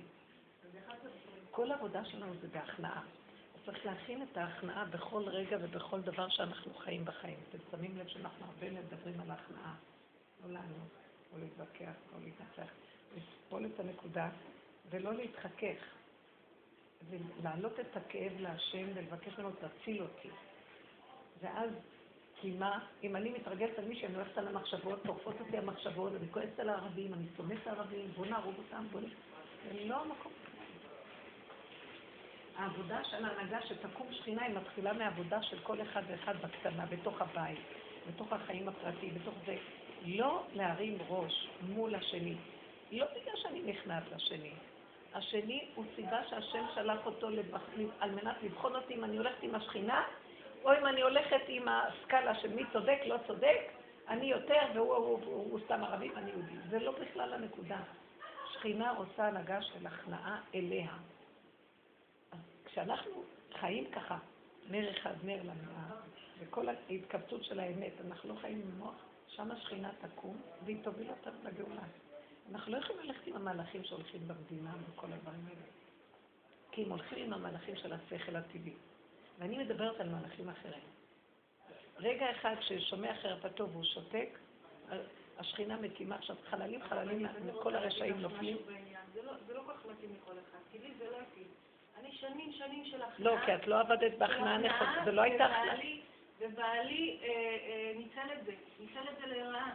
אבל את והיום- לא, אבל... היום שאני אומרת סליחה, לא מסכימה, לא, לא מקבלת, או כל מיני דברים כאלה, ובתוכי אני שלמה עם זה, אז אני רואה שהוא מתקפל והולך. ואני רואה שהתיקון כן נעשה, נעשה את התיקון. זה בעצם שני דברים, יש הכנעה ויש תאריך גבולות. בדיוק. לא, זה לא אותו דבר. בדיוק. תקשיבי, מה שאת עשית קודם זה לא הייתה הכנעה, זה היה קורבניות. זה היה חרדה. זה היה אין עונות של עץ הדעת מול, רגע, מול- עץ הדעת אלים, אז עץ הדעת קורבני. זה עדיין גדר של טבע. את היית צריכה להכיר את הטבע שלך על ידי השיעורים. ודיברנו על זה, ואמרתי, תשימי לב כמה את קורבנית. זה נקרא טיפשי, זה, ח- זה חבל. הוא לא, זה נבלה, וגם זה טרפה, את לא יותר צודקת ממנו, כי את גם כן תפוקה. נכון? זה דפוק וזה דפוק. אז מה נעשה? כשאת באה אליו, זה לא הוא בכלל. למה את מפחדת ממנו? כי הוא לא קיים בכלל. הוא רק הסיבה שהשם שם לך המקל והרצועה והמראה להראות לך איך את נראית. תשימי לב לעצמך, ופתאום התחלת לקבל חיות. ואז עכשיו את יכולה להגיד לו, אבל זה לא ממך, זה לא ממני. וזה לא הדבר ההפוך שקודם השם לא. נתן לי את הכוחות האלה, אני לא אומרת שזה ממני. אז עכשיו שאני אמרתי הכנעה, לא התכוונתי להכנעה שהייתה לך בטבע. הייתה לי המון שתיקה, המון שתיקה. זה לא טעות, ואז זה יותר ברור. לא היה מהירות. היא מבינה, היא מבינה את זה. לא, אנחנו דיברנו על זה הרבה שנים. אני רוצה להגיד לך משהו. אני לא- רוצה להגיד לך- לא את. אבל אני רוצה להגיד לך משהו, אני אגיד לך משהו. את לא... אני מאוכזבת ממך, ואת מטעה פה מישהי שהגיעה פה, והיא שומעת אותך, היא שומעת בן אדם. תקשיבי, את לא מבינה, אנחנו דיברנו על זה מאות פעמים. את אומרת, אבל אני נכנעתי, ותראי מה הוא עשה לי. את מזהה את ההכנעה שהייתה לך קודם כמו ההכנעה שאני לא, אומרת? הייתה לי אז הכנעה את. מטילה מום בקודשים. הייתי. קורבנית. אז למה את קוראת לזה הכנעה? כשאני מדברת הכנעה, אני מדברת על מילה אמיתית. הכל כאן התבלבל. לא את היית במילה הזאת. את היית בזבל של עץ הדת. אל תקראי לזה הכנעה. התבלבלו כל המושגים. זה כנעני, זה לא הכנעה. הכנעה זה הכנעה לדבר השם. לראות את השם ולהתמעט ולהגיד זה שכינה. מה השם רוצה ממני? מדוע הוא שולח לי את המקום הזה ועולה לי הטבע שלי? כי הוא רוצה שאני אמסור לו את הטבע, ולא לו. ואז אני מתחילה לעלות קורבן להשם, אז מתגדלת שכינה, וכמה שכינה. אנחנו חיים לא ככה, אחד מול השני, גירוי תגובה, גירוי תגובה, טבע, זה טבע, עץ הדת, טוב, עץ הדת.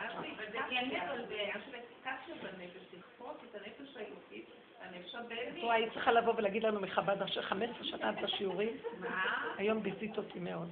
אני לא רוצה לשמוע אותך יותר. הייתי בהכנעה פסולה, מה אמרתי? אמרתי לה, לא אמרת הכנעה פסולה, את אמרת הייתי בהכנעה.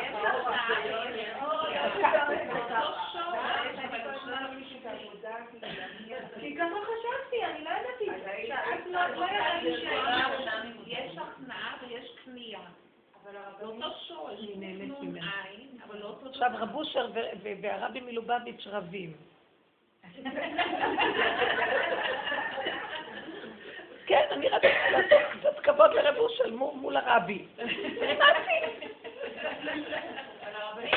הם שניהם חברים. רגע, אני רוצה להגיד לך עוד משהו. תראי, אנחנו עשיתי, אני מרגישה ככה, שעשיתי כל מיני קשרים, קשרים לא נכונים. אז עכשיו אני תורמת אותם, בסדר, אוקיי? זה בסדר, מה ש... אני סתם לא. שנייה, אני רוצה להגיד, שמה שקרה שאני הרגשתי, שאני התרחקתי מעצמי. ועכשיו, כדי באמת לעשות את העבודה, אתה צריך להתקרב לעצמך, אתה צריך באמת להרגיש את השכינה בתוכך. את לא שומעת את הקול הפנימי זה גם נקודה. צריכה לאמן את הקול הפנימי שלה. אני מרגישה עכשיו מה שאני שעשינו תורמת את פה- כל הקשרים שעשיתי. רגע, מה שעשינו פה, כל הזמן היה לנו פנס על, על הצבעים שלנו. ואז אין להאשים את השני, עזבו את, האיש, את הבן אדם, חידלו מן האדם כי במה נשב. השני הוא רק אמר, להראות לנו, זה הכלל הידוע נקוט בידינו בעניין בעבודת השם. בעל שם טוב אומר, כל האדם, כל הנגעים אדם רואה חוץ מנגעי עצמו. והפירוש שהוא נתן זה, מבחוץ רק הוא יכול לראות את הנגעים של עצמו, כי אין אדם רואה נגעי עצמו.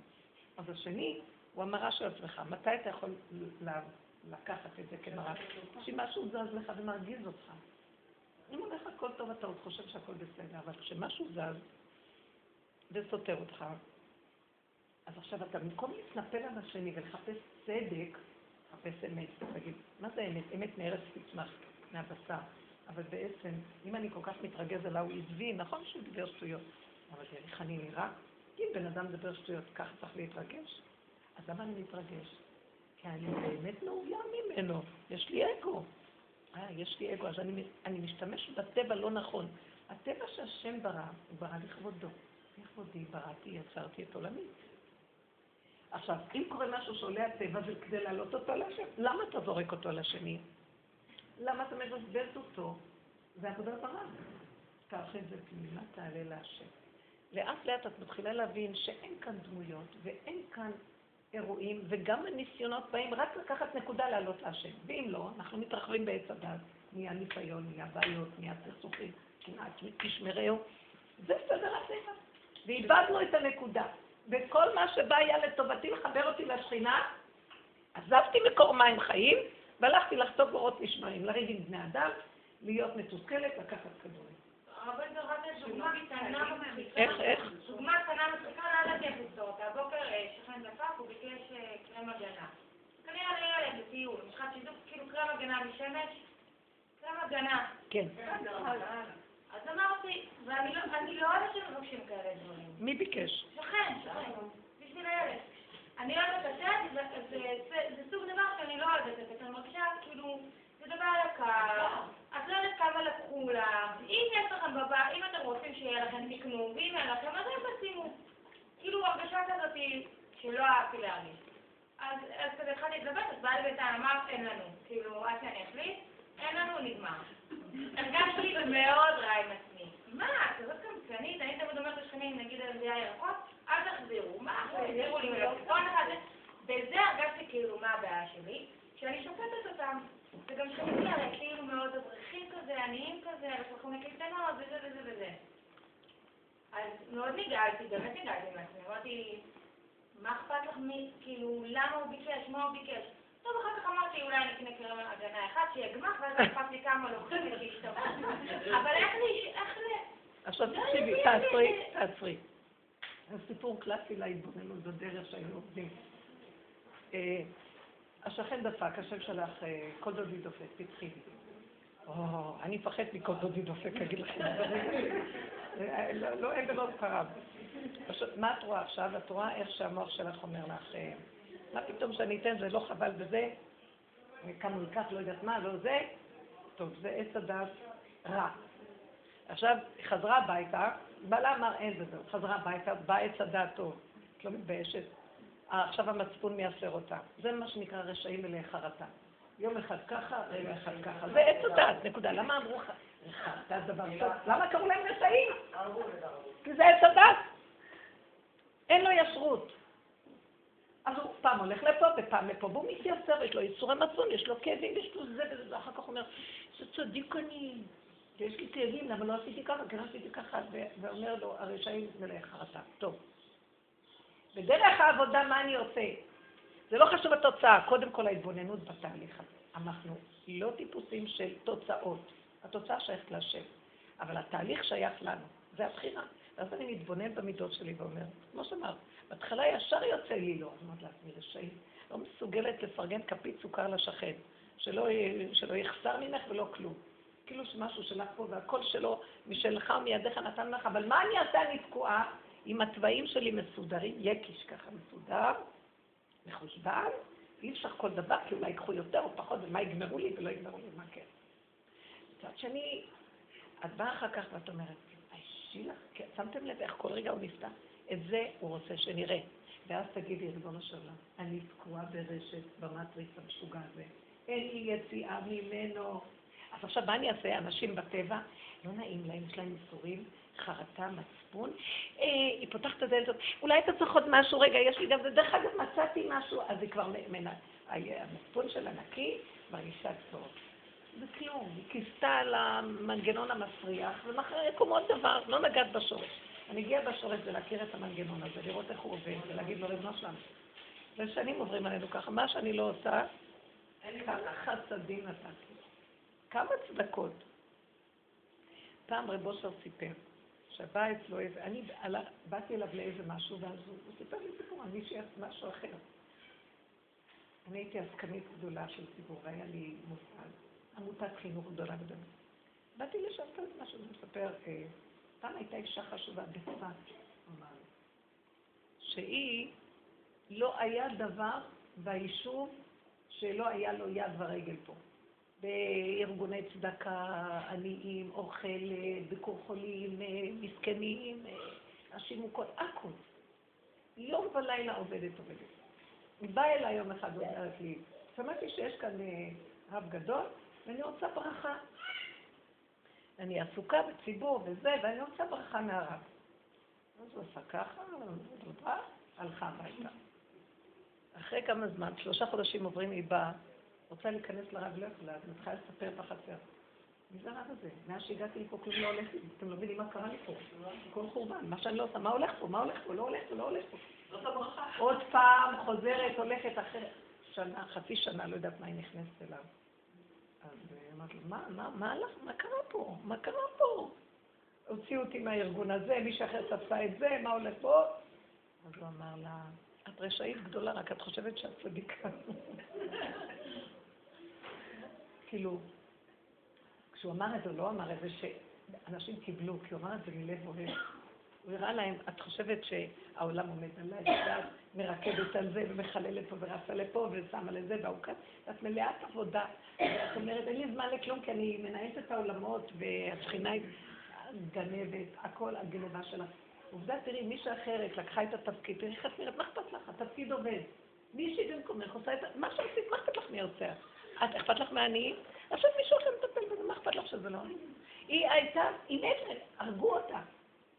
אז הוא אמר לה, את רואה, בואי, בואי אליי, אני אראה לך. והיא נשארה לי, היא הייתה תלמידה חשובה שלה, אני לא יודעת עד היום מי, הוא סיפר לי את זה, ואז הוא אומר לי, ואז לרגע הלכתי אחר כך, שכחתי בכלל, בגלל מה באתי בכלל אליו? באמצע הדרך אני אומרת, תשמעי, למה הוא סיפר לך את הסיפור הזה? זה בדיוק כאן. אולי צריך להגיד לי דברים, סיפורים, נקודות. כל כך היה עדין וסובב, אבל באמת, עוד אולי הוא סיפר לי שהוא אמר לרשעית, כדי שזה יהיה לי ברור, אבל אולי לא אמר ככה. ואת מאמינה בקטע של רשעים? איך? הרב דיפלק אומר שציבור, תחושי ציבור של צדיקים בינונים ורשעים, אבל יש עניין של רשעים. אין אדם רע, יש אדם שרע לו. זה בניגוד לחשיפות. כן, זה לא שבן אדם רע, אבל אנחנו צריכים לדעת ככה, שכינה לא תיכנס, ביום כיפורים אנחנו עומדים ומתוודים את חטאותינו מהבוקר, מה, מהערב עד הערב, חמש תפילות, וכולו חוזר חזרת השעת, בלחש חזרת השעת, על, על חטא שחטאנו, על חטא שחטאנו, על חטא שחטאנו, על חטא שחטאנו. תגידו, יש יותר רשע ממני אחרי שאני מתוועדה את כל הסיפור הזה. רבותיי, לא להתכסות. מה זאת אומרת רשע? זה לא שאנחנו רשעים בעצם, מתלבש לנו תוכנה שכל הזמן מלסטמת אותנו, וכל הזמן אנחנו במציאות כזאת. גם אם נדמה לך שאת עושה משהו טוב, ישר גנבת את כל העידית לעצמך, ומה אפשר? זרקת את זה לכבוד השם. זה בתת הכרה. אדם יודע המון, הוא כבר מרגיש שהוא משהו, כי הוא יודע שירד לנו, מציאות של נפילה. רב אושר אמר, תישארו בשפלות. תכירו שאתם, דוד המלך אמר, בהמות הייתי מה. דוד המלך כל הזמן, שיביתי השם נגדי תמיד, עד שהשם הביא לו את ניסיון בת שבע, ואז הוא אמר, חטאתי נגדי תמיד. זאת אומרת, שיביתי השם מתוך חטאתי. זאת אומרת, אל תחשוב שאתה שיביתי השם וחנני ונשני, כי אתה לא עומד בכלום, הכל דמיונות שלך. ודוד המלך היה צדיק, היה אדם צדיק וקדוש, וכל המהלך הזה כדי שיבוא למצב של אין מתום בישרים לפני זעמך, אבל רק אתה, ההכנעה והשפלות, ואנחנו מה? זה ממליך את השכינה, כי אין שני מלכים בכתר אחד. וזה דרך חיים שלמה. עכשיו, כל מה שקרה לך שם, זה לא אם בסוף את... אז מה אני אעשה? אני אתן לו את הקרם או אני לא אתן לו את הקרם? זה לא חשוב לי בכלל. חשוב, לא חשוב שלא נתת לו, בכלל לא. חשוב שאת רואה מיד ואת אמרתי לבעלי, אני אגיד לה עכשיו שהיה לי אמרה לי מה, ותפגעי בה כאילו... זה חשבונאות, זה תחמונים. את מתחמנת את לא, אני מתחמנית, אמרתי, כאילו, יש.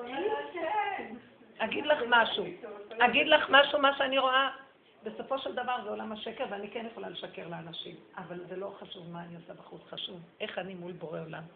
והתוודו את חטאותם לפני השם. זו הדרגה הכי גבוהה שיש. כי לפעמים זה עולם השקר. את לא יכולה להתנהג פה באמת. כי לא הבינו אותך נכון, כל יום הוא יצוק ויחפש משהו אחר. אני לא אומרת. את יכולה גם לשחרר ולתת הכול. יום, את תשחררי ותהיי צדיקה, אחת אבל אני יכולה להגיד בכוסית קטנה, לשים את הקרם שאת מוכנה. זה פתרונות. אני לא נותנת לשיעור הזה פתרונות. התכוונתי מאחורי זה מה שאני יכולה להגיד. היה כזה בלאגן בבוקר, זה היה בכזה, ואחר כך אמרתי, אני צריכה לסדר את זה, צריכה לסדר את זה. באותו רגע באמת לא. הגשמת את הדמות, את נתת ממשות לשכן, זה לא השכן, השכן הוא המראה. נכון, אמרתי את זה. בטבע. זה בין אדם לחברו, זה די לבלבל את המוח. בין אדם לחברו לא יכול להיות, סליחה, בין אדם לחברו לא יכול להיות אם אין בין אדם למקום קודם כל. אין. אם אדם לא קשור עם שכינתו, עם החלק האלוקה שבתוכו, עם היחידה שלו באמת, הוא לא יכול להיות בין אדם לחברו באמת. לכן אמרו, ואהבת לרעך כמוך, קודם כל כמוך ואחר כך לרעך, אתה לא יכול אחרת. אז אנחנו מדלגים, בגלות אין לנו את החלק של השכינה, אז אנחנו כל היום צדיקים, אוהבים, רצים, מבינים, הרבה צגות, הרבה הבנות, הרבה השכלות. זה לא אמת. בדיוק, אבל צריך לרדת לשם. לרדת לשם, כדי לרדת לשם, זה מציאות של נפילה. השם אוהב אותך שנפל פה היום. אני מרגישה, היא ממש מיוחדת במינה. תקשיבו, השם רוצה אותנו בנפש, לא רוצה בגוף, זה- קורה, כשאני צריך להביא אותך, אני רואה את זה. ואז מה, מה עשית לי, מה עשית לי עכשיו? ואז הוא אומר אני אוהב אותך. אני אוהב אותך. בואי אליי, רדי מהגבות, בואי אליי, אני אוהב אותך, את מחפשת אותי, אני יודע, הנה אני פה, אני למטה. רוצה כן, אני- בקלפי, בואי. אנחנו מטפסים על האח, איפה בעננים אנחנו? איפה אנחנו? שובו, מאיפה? שובו, תשובו אליי, שובו, אני אחורה ואתם... ושב השם את שבותך, לא בהשיב. זאת אומרת שאנחנו קמים והוא קם איתנו, הוא לי, מה אתה מאיתנו? את רוצה אותו? תרדי. תביני, תכירי את הפגם, זה דיברנו על זה. והסברנו אין איך. להתפטר מהחשבונאות, מהשפיטה, רק להגיד את זה להשם. אי אפשר להתפטר מזה. רבותיי, התוכנה, רק תכירי באיזה תוכנה את כבולה. אין אסיר מתיר עצמו מבית האסורים. פרשת שמות כתוב, ויצעקו אל השם, ויצעקו בני ישראל השם ותעל שבתם אלוקים, לא, ויצעקו בני ישראל השם מכל צורך מעבודה זר, ותעל שבתם אל האלוקים מכל צורך מעבודה זר. פעמיים כתוב. אומר רבי בוני מפשיט. פעם ראשונה הם צעקו, צעקה של טבע. למה שמו כאן את הכיסא נפלתי? מה זה כאן שלא מסדרים את הדברים? למה ככה? פרעה תיתן לנו תנאים, אי אפשר ככה לעבוד בלי יום שבת, אי אפשר לעבוד בלי שיש לנו הפסקה לשתות מים ולאכול משהו, תן גם קצת ביטוח לאומי ותנאים, מה זה פה? אבל הצעקה שלי הייתה צעקת אמת.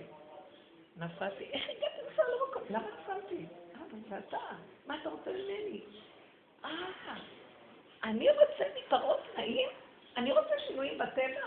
תקחו אותו, מה זה פה? אם אתה לא תגאל אותי, אין לי כאן מנוס. זו הייתה צעקה אמיתית, מעומק של העומק של דות, של נפילה לתוך בור. ואי אפשר לו לאדם להוציא את עצמו. ושם כתוב הפסוק אחריו, וישמע השם ויקשב השם וידע השם הוא קם זה. כי זו הייתה צעקה של אמת קרוב השם לכל קורב וכל אשר קראו באמת. והאמת היא מארץ מצווה. אבל מה אנחנו עושים? מבזבזים את זה כדי להתרגז על זה וזה, זה. אני אתן לשכן, לא אתן לשכן. זה שני דברים שונים, אפשר לתת לו או לא לתת. לא כאן הנקודה, לא אכפת לי התוצאה, אכפת לי האם בתהליך את נוגעת בנקודה ורואה איך את נראית, ואת אומרת, טוב, ממחר אני אחרת, כלב ששם על פיו, אנחנו לא יכולים לשנות את עצמנו. גם העולם מסביב מפיל אותנו, כי ככה ההנהגה פה. אז אם כן, אני צריכה את זה להביא לשם, אבל תקוע, תקוע, תקוע, אי אפשר פה. עוד עושים פה איזה פוליטיקות עם בני אנשי ערב ואומות הערבים, שמשם יקום... זה ארוך, זה גדול, כל כך הרבה באו מנהיגים והורידו ועשו הנהגות ועשו ועשו סידורים ונפלו וקמו ועוד. אז מתי? זה צריך להיות צעקה נוראית. אתמול התקשרה אליי אישה, מה- ביום ראשון התקשרה, שכלתה, הבן שלה וכלתה, אה, לידה ראשונה בחדר לידה. אז היא ביקשה שאני אמרתי לה, דווקא ידיעות. אני חושב שאני אשלח לה רפואה ישועה, למהר שתלד. התקשרת אליי ביום שלישי, היא עוד שמה, לא ילדה. ככה, ואז היא אמרת לי, זה המצב מאוד קשה. ואז אמרתי, זה המצב של כולנו. שכינה, הראש לא יוצא, כמה אפשר? ומה לא עשו? והיא הביאה מדקר, והביאה וכל מיני טריקים, וכל מיני משקאות, וכל מיני דברים, כלום, לא זז כלום. בסוף היא התקשרה אליי ביום, אחרי שהיא אמרה לי שהיא עוד שם, התקשרה אחרי שעה, ואני מתפללת ומבקשת, ואני מנצלת את המצב הזה לצעוק להשם. כי אמרתי, זה לא היא, זה, זה הנהגה, זה השכינה. עכשיו השכינה זועקת לך, אבל היא רוצה. עם ישראל תקוע, תקוע, תקוע. ואז היא אמרה לי, הם רוצים לנתח כי כבר קלו כל הקיצים. נראה שהדופק של העובר נחלש. אז אני אמרתי לה, אני לא יכולה להגיד לך מה להגיד לרופאים, אני יכולה רק להגיד לך שעכשיו זה זמן לצעוק להשם צעקה אחת גדולה מכל עומק הלב. צאי לגינה שמה של ה... ו... ותצעקי. תלכי לצעוק בנפש, תצעקי חזק להשם. אני לא גומרת להניח, ואני אחזור אלייך לא גומרת להניח, מתקשרת אליי אישה. זאת שאמרת לכם שהתקשרה, ואמרתי לה, אני כל היום רק צועק ולא יכולה לסבול את החיים. אמרת, תצעקי! עוד מתקשרת מישהי, אני לא יכולתי לסבול את החיים. מה הוא חושב לו? אי אפשר לסבול את החיים. טוב, תצעקו, תצעקו. בקיצור, נהיה איזה שש מנות של צועקות. לי קשור בעניינים שנגמר להם החיים? אמרתי, זה השעה שהשכינה מבקשת עזרה. התחלנו להרביץ צעקות, צעקות, צעקות. כל אחד הנקודה שאמרת, תכוונו, יש שם פינות שצריך לתת. וזה צריך לי, שיפתח איזה משהו. הצעקה, מה שנשאר, אני רואה לאחרונה, עוד פעם, פעם היינו צועקים, עוד פעם, תוציאו את הצעקות האחרונות, כי זה בלתי נסבל, ההנהגה כאילו תקועה, תקועה, תקועה, ואי אפשר לסגור, אין כבר מה לעשות. אחרי, אחרי כמה זמן היא התקשרה ואומרת שהראש התחיל לצאת. כלום, לא זז, לא פתיחה, ופתאום הראש יוצא. התקשרתי גם לאיזה צדיק שאני מכירה, ביקשנו לו שייתן ברכה.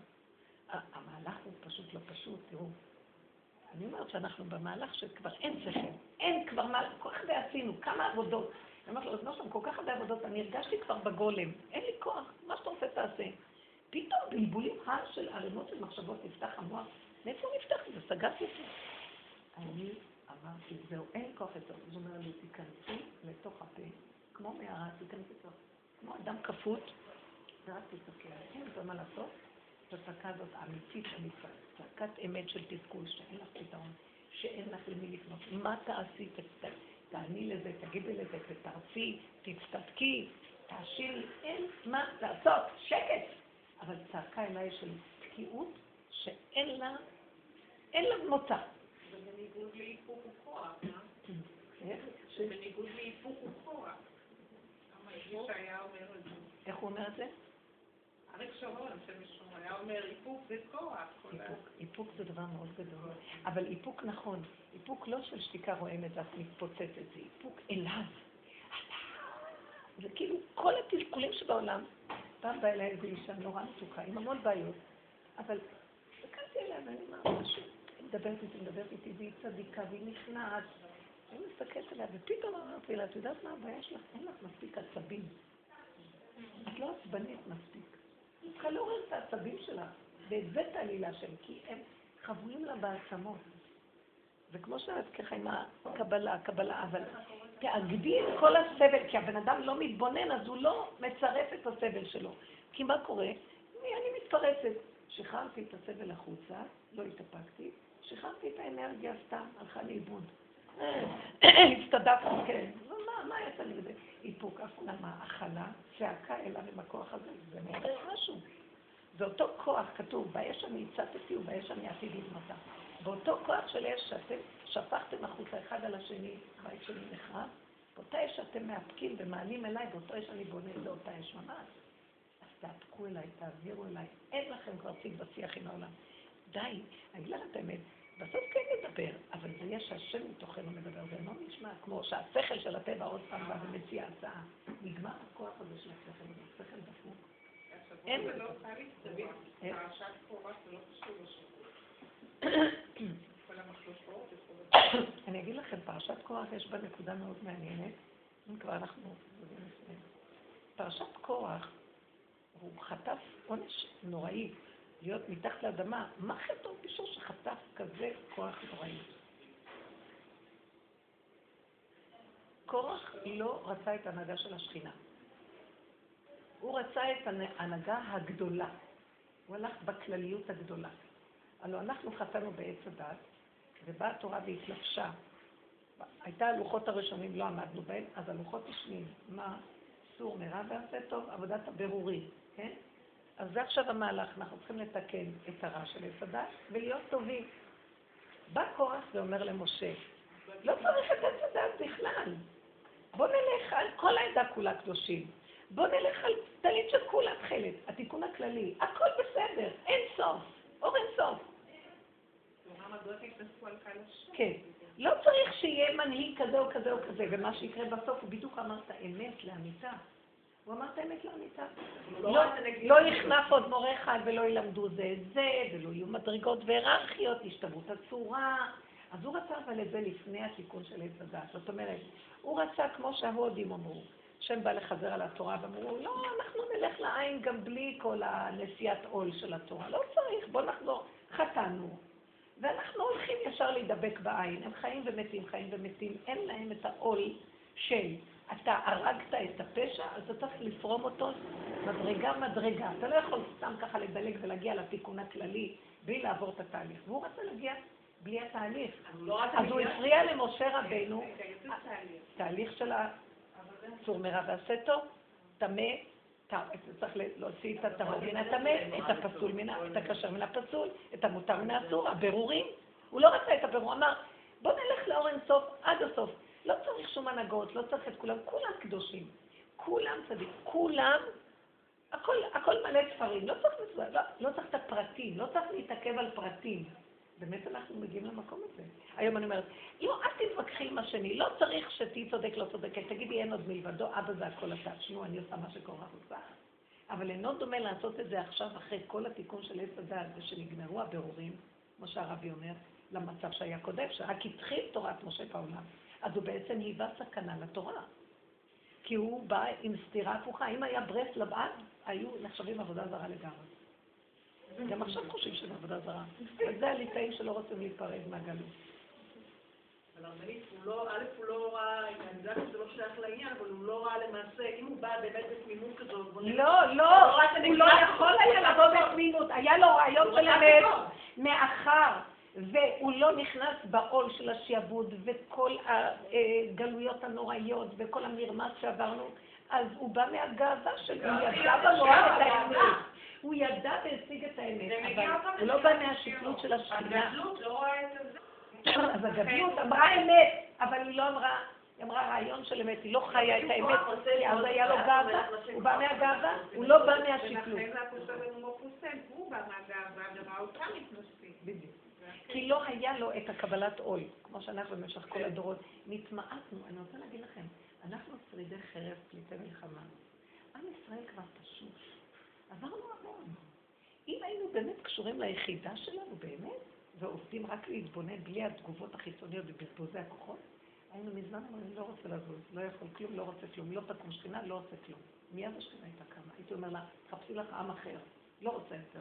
אומרת להשם, השם, חפש כלה יותר יפה מאיתנו, אין לנו כבר כוח לכלום. אבל אנחנו עוד חושבים שיכולים ללכת כי עץ הדעת נותן תחושה לאדם שהוא יכול, שהוא משהו. אם היינו באמת נכנעים ומגיעים למטה, רב אושר עורר אור מאוד מאוד גדול של אור הגנות, כי הוא היה כל הזמן, ואני לא יכול, אני לא מציאות, אני לא כלום, ודרכו נעשו המון דברים. הוא עשה דברים של חסד עצומים, זה... ופעם אמרו לה, אז הוא אמר, אם אני עשיתי שאני אשרף עם כל המפעלים גם, גם יחד, זה לא אני בכלל, זה דרכי זורם משהו. אני רק נותן את הכלום שלי להשם. זה דבר שמאוד קשה. זה הכנעה אמיתית, זה משה רבנו. משה רבנו עמד עם הכלום שלו כל הזמן, והשם דרכו פעל פעולות. עד שכך שהוא יכול לדבר עם השם כל רגע שהוא רוצה, הדעת עומדת, אי אפשר להבין את הדבר הזה, כי הוא היה בצילום בוטל. וכל העבודה הזאת היא עבודה פנימית מאוד עמוקה, לא צריכים להראות אותה בחוץ. כי הפוך, ככל שאתה תראה את זה בחוץ, כי זה עולם כאן, זה עולם הגניבה, זה עולם השקר, זה חיות טורפות, זה סכנה פה. אז אל תראה, תסתתר. כן? החוכמה היא להסתתר. מאוד קשה פה הנהגות. אני מאמינה שהגלות הזאת תיגמר רק כשאני גומרת אותה בתוכי, מוסרת לו את הכוחות ואת כל המפתחות, אומרת לו, קח את כל המפתחות הדמיונות שאני חושבת שיש לי בכלל משהו, כי אני לא יכולה ללכת איתו. כל פעם שעם הנושא של השידור של הבן, אני רואה, יש לי בן עוד לשידור, ואז אני רואה שבאופן טבעי, כאילו, אני רוצה לעזור, ואז אני אומרת לעצמי, זה הרי את עוברת הגבול, הוא לא שלך כלום. את יכולה להושיט יד ברגל, וכשנצרך, ודוחקים בך, וצריכים את העזרה שלך. את רק כלי לשרת. כל פעם שהכנסת לי איזה מצוקה ממנו, אז אני יודעת שאני מפריעה לו ואני לא נותנת להשם להתגלות. אני מעלה את המצוקה עוד פעם, את שומעת? להעלות את המצוקות, להעלות את ההפרעות, להעלות את הכאבים. אל תלכו בעצמכם לנסות לפתור זה. באופן טבעי אנחנו מאומנים על כך שאנחנו הולכים. אנחנו עולם של שכל ועשייה, אין, אין לב באמצע. וכל העבודה היא להשיב את כל הכוח ללב ולתת להשם להיכנס. תקשיבו, זה נראה וירטואלי, מה זה לתת להשם? את בסוף תעשי פעולה, וזה כבר יהיה אחרת, זה לא מתוך יצרים, זה לא מתוך אכפתיות, כמעט לא אכפת לך. בדרכך נעשים דברים, הכל בסדר. זה מה שיהיה, הוא הכי טוב, זה בסדר לנו הכל. דוד המלך, דוד המלך אמר לרשע, עכשיו בקרב לי, אני לא יודעת אם אני אין אלוקים לנגדו. זאת אומרת שאדם באמת מגיע למקום שהוא מרגיש כל הזמן את ה... את הרשע בקרב ליבו. רשע, אה, הרב אסלוג אומר, רצון של עצמו, לא של בורא עולם, לא של הרצון של חיים באמת. אז אה, אדם באמת מגיע למקום כבר של צעקה, הוא לא יכול לסבול כבר את ה... כל הזמן נגד, נגד, והוא כל הזמן לפעמים מודה, לפעמים אה, רדום יותר, אבל כבר אדם כבר לא יכול לסבול את הריחוק הזה. הוא צועק להשם, לא? הוא צועק להשם, רגע, אני שמתי לב על עצמי. אני צועקת עכשיו ואחרי רגע אני מחפשת במוח מה לעשות.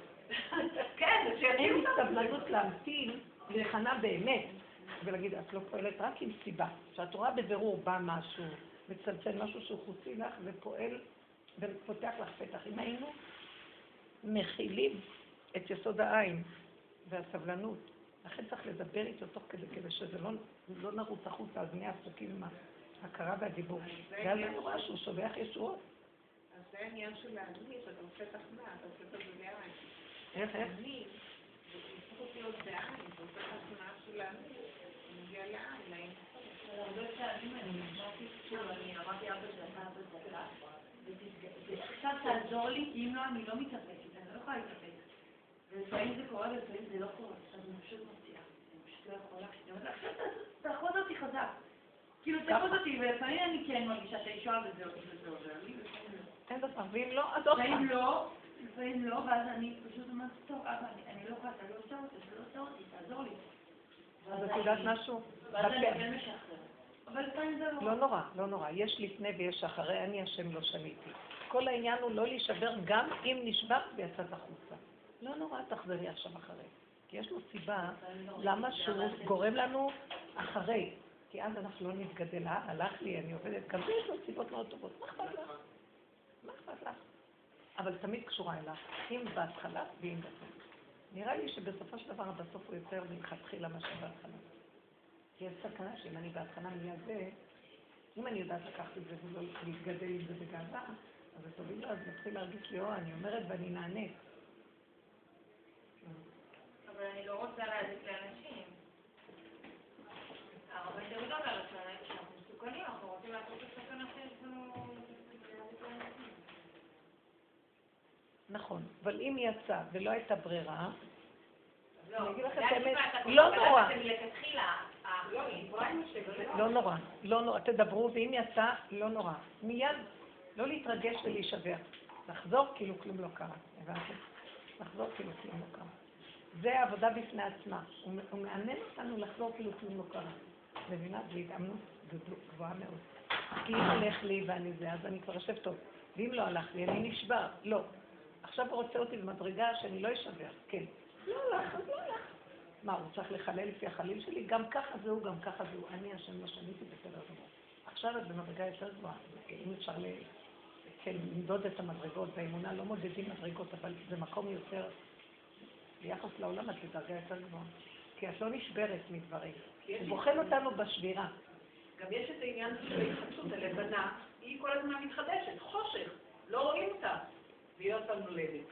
עוד פעם מגיעה למנועה, מתכסה, עוד פעם נולדת. זה העבודה של עם ישראל, כל הזמן חדש להתחדש, כמו שהרבנית אומרת, כל הזמן לא... משהו שאין לנו סבלנות. כן. בתפיסה של עץ הדעת זה קוצר רוח. אבל מה זה אומר שהלבנה תהיה חמה? סבלנות זה חצי הכנעה. ראש ההכנעה זה סבלנות. ראש האמונה זה סבלנות. מה אכפת לנו? קחו את המילה, מה אכפת לי? כאילו כל הזמן אני רוצה להגיע כבר, ואחר כך יש עוד משהו, ואחר כך עוד משהו, אז מה, אף פעם לא מגיעים. משהו בתפיסה של מנגנון עץ הדעת. ואל תיתנו לו מקום. בואו נעבוד עליו, אה, להגיע למקום של השתוות הנפש. כן, בסדר, לא, אז עוד משהו. זה לא, לא עומד במציאות של שלנו. זה לא, כאילו, שבת לא תגיע, צריך להגיש ציונים, הילדים צריכים לישון. החיים מאוד, אה, מאוד אה, אינטנסיביים. אם אני אגיד מה אכפת לי, זה כמו הדחקה שבסוף תשתף לי. אני לא לא. צריכה להיות בלחץ תעשי מהחוק זה לא עומד בדרישות המאוד... תעשי פעולות, אבל אל תהיי עבד לדרישות של אחרים. מה זאת אומרת? אני צריכה להגיד ציונים עוד שלושה ימים. ויש לי שדה האב של מבחנים, והבית מה, אז אז איך זה נכנס פה? אז אני לא אבדוק. שמעתם מה היא שאלה? לא אני אגיד לך משהו. העבודה שאנחנו עושים היא עבודה שמביאה אותנו להיות עבדי השד, ומה שאת עושה זה עבדי השד. אי אפשר לחבר את שני הדברים האלה לגמרי. לאט לאט את מתחילה להבין, את לא רוצה לעזוב, שתעשה פרנסה. אבל את מתחילה להבין שכבר את צריכה לקחת את זה בפרופורציות אחרות. את צריכה להגיש ציונים. אני מצידי הייתי נותנת לכולם 100. אבל כשזה לא יראה שונה, הייתי מרמה קצת, אומרת 98, 97, 6, 3, מה אכפת לי? מה את לוקחת ברצינות את העבודה הזאת? מה זאת אומרת? אני לא נאמנה למקצוע שלי. או, אני אוהבת אותם. למה? איך פרעה הצליח להפחיד. אותנו עם הנאמנות אליו? כן, יש מלא כאלה, מצורות כאלה. חיילות. לא, מילא הם יגידו, בסדר, אני אפרגן, אבל בתורה אני צריכה כל פירוש שבאת כתבה לפתוח בחומש, לראות מאיפה היא לקחה, והיא מדיקה למקום. מילים, זה היה- אז רגע, יפה המצאה, ואז תקבלי ככה וככה. זה לא חומש, זה לא כמו מצטטות עם מחומש פירושים, אני צריכה לעבור כל פעם לפתוח חומש פירושים. אני צריכה להעלות את זה פה. באמת. כן, אני אגיד לכם את האמת, אין לי מוצא ופתרון. יש משהו אחד, שאת יכולה גם לעשות את זה וליהנות מזה שאת זוכה להציץ בפירושים, ויש גם משהו מעניין בזה, שאת אני עוברת. לא תבדוק מבחנים בבתי קפה. זה כיף, לוקחת זמן. למה לא? אבל זה עמוד. אי אפשר להגיד, הרבנית אמרה, לא ל... כאילו... אני רוצה להגיד לך משהו, זה לא נכון. לא, זה לא עמוס. המוח שלך אומר לך שזה עמוס, והוא מלחיץ אותך. לא הפעולה מלחיצה, התפיסה הפסיכולוגית על הפעולה. את יכולה לשבת וליהנות עם מה שאת עושה. ואת יכולה לעשות, תרגילי את המוח שלך לא לתת לך השקפה ולצבוע לך איך זה נראה. תהני. הרעיון הוא שתהני. אבל אם את רואה שאת באמת כבר בין זה לזה יש עוד דברים, תעשי ישר שקלול. מה יותר חשוב? עכשיו זה הילדים חשובים? ולא זה, אז תחפפי. לא כל דבר תקחי אותו בשלמות. תחפפי קצת לא להסתכל על כל המפרשים ששאלו, ותתני לה איזה ציון. לא נורא. לא נורא. אנחנו הולכים מדי ברצינות עם השד הזה. אנחנו, אתם לא מבינים, התרבות מדי רצינית וחשיבות עצמית וגבות, וכאילו איזה אמת. כאילו, את עומדת בפני השקרן הרמאי, הגזלן הכי גדול, ואת גם מתחשבת איך להיות אמיתית איתו. באמת. הגזמת. זה תרבות משוגעת. לפעמים אני בודקת מבחן של בת, אני רואה שהיא זלזלה, ואני אומרת, אין לי כוח לבדוק כזה מבחן, מעפה. ישר תמסרי חמישים. ואני צריכה לדעת לה, מינוס חצי, מינוס לא שווה, יאללה, אני רוצה להכי קצת למבחן, ומביאה אותו, כאילו, או למה שתתני לה לא- ציון, לא- לא אחד אחד, תני לה ציון כולל. תל- תלמדי שיטה כוללת. למה? למה? לא נכון. המורה, על מה הורדת לי? על מה הורדת לי? כמה הורדת? לא, זה לא אומר באמת מקצוע בזכותים. לא יכולה, אני צריכה משפטים ממגנת. יש לי אחריות כאילו להוציא בת כאילו לפי השאלה. אני אגיד לכם את האמת, המערכת מעוותת. קחו את המערכת בפרופורציה נכונה, זה סך הכל כולו בנות, זה שאר ירקות, די, אל תעשו מהם תמיד את החמישה. דבר שני, תני להם חום ואהבה ושיהיה להם כיף. תעבדי איתם במה שטוב לך באישיות שלך. אה, סיפורים, אני לא יודעת מה, השקפה, מה שנכון לך באישיות, שמה תטפחי אותם. מה שקשה לך, ואת צריכה לכפות את עצמך בצער, תחפפי שם. והשם יהיה איתך בדבר הזה, שתדעי לך. כי אנחנו באנו עם מה שאנחנו יכולים, לא עם מה שאנחנו לא יכולים לתת. והשם יזכה לנו.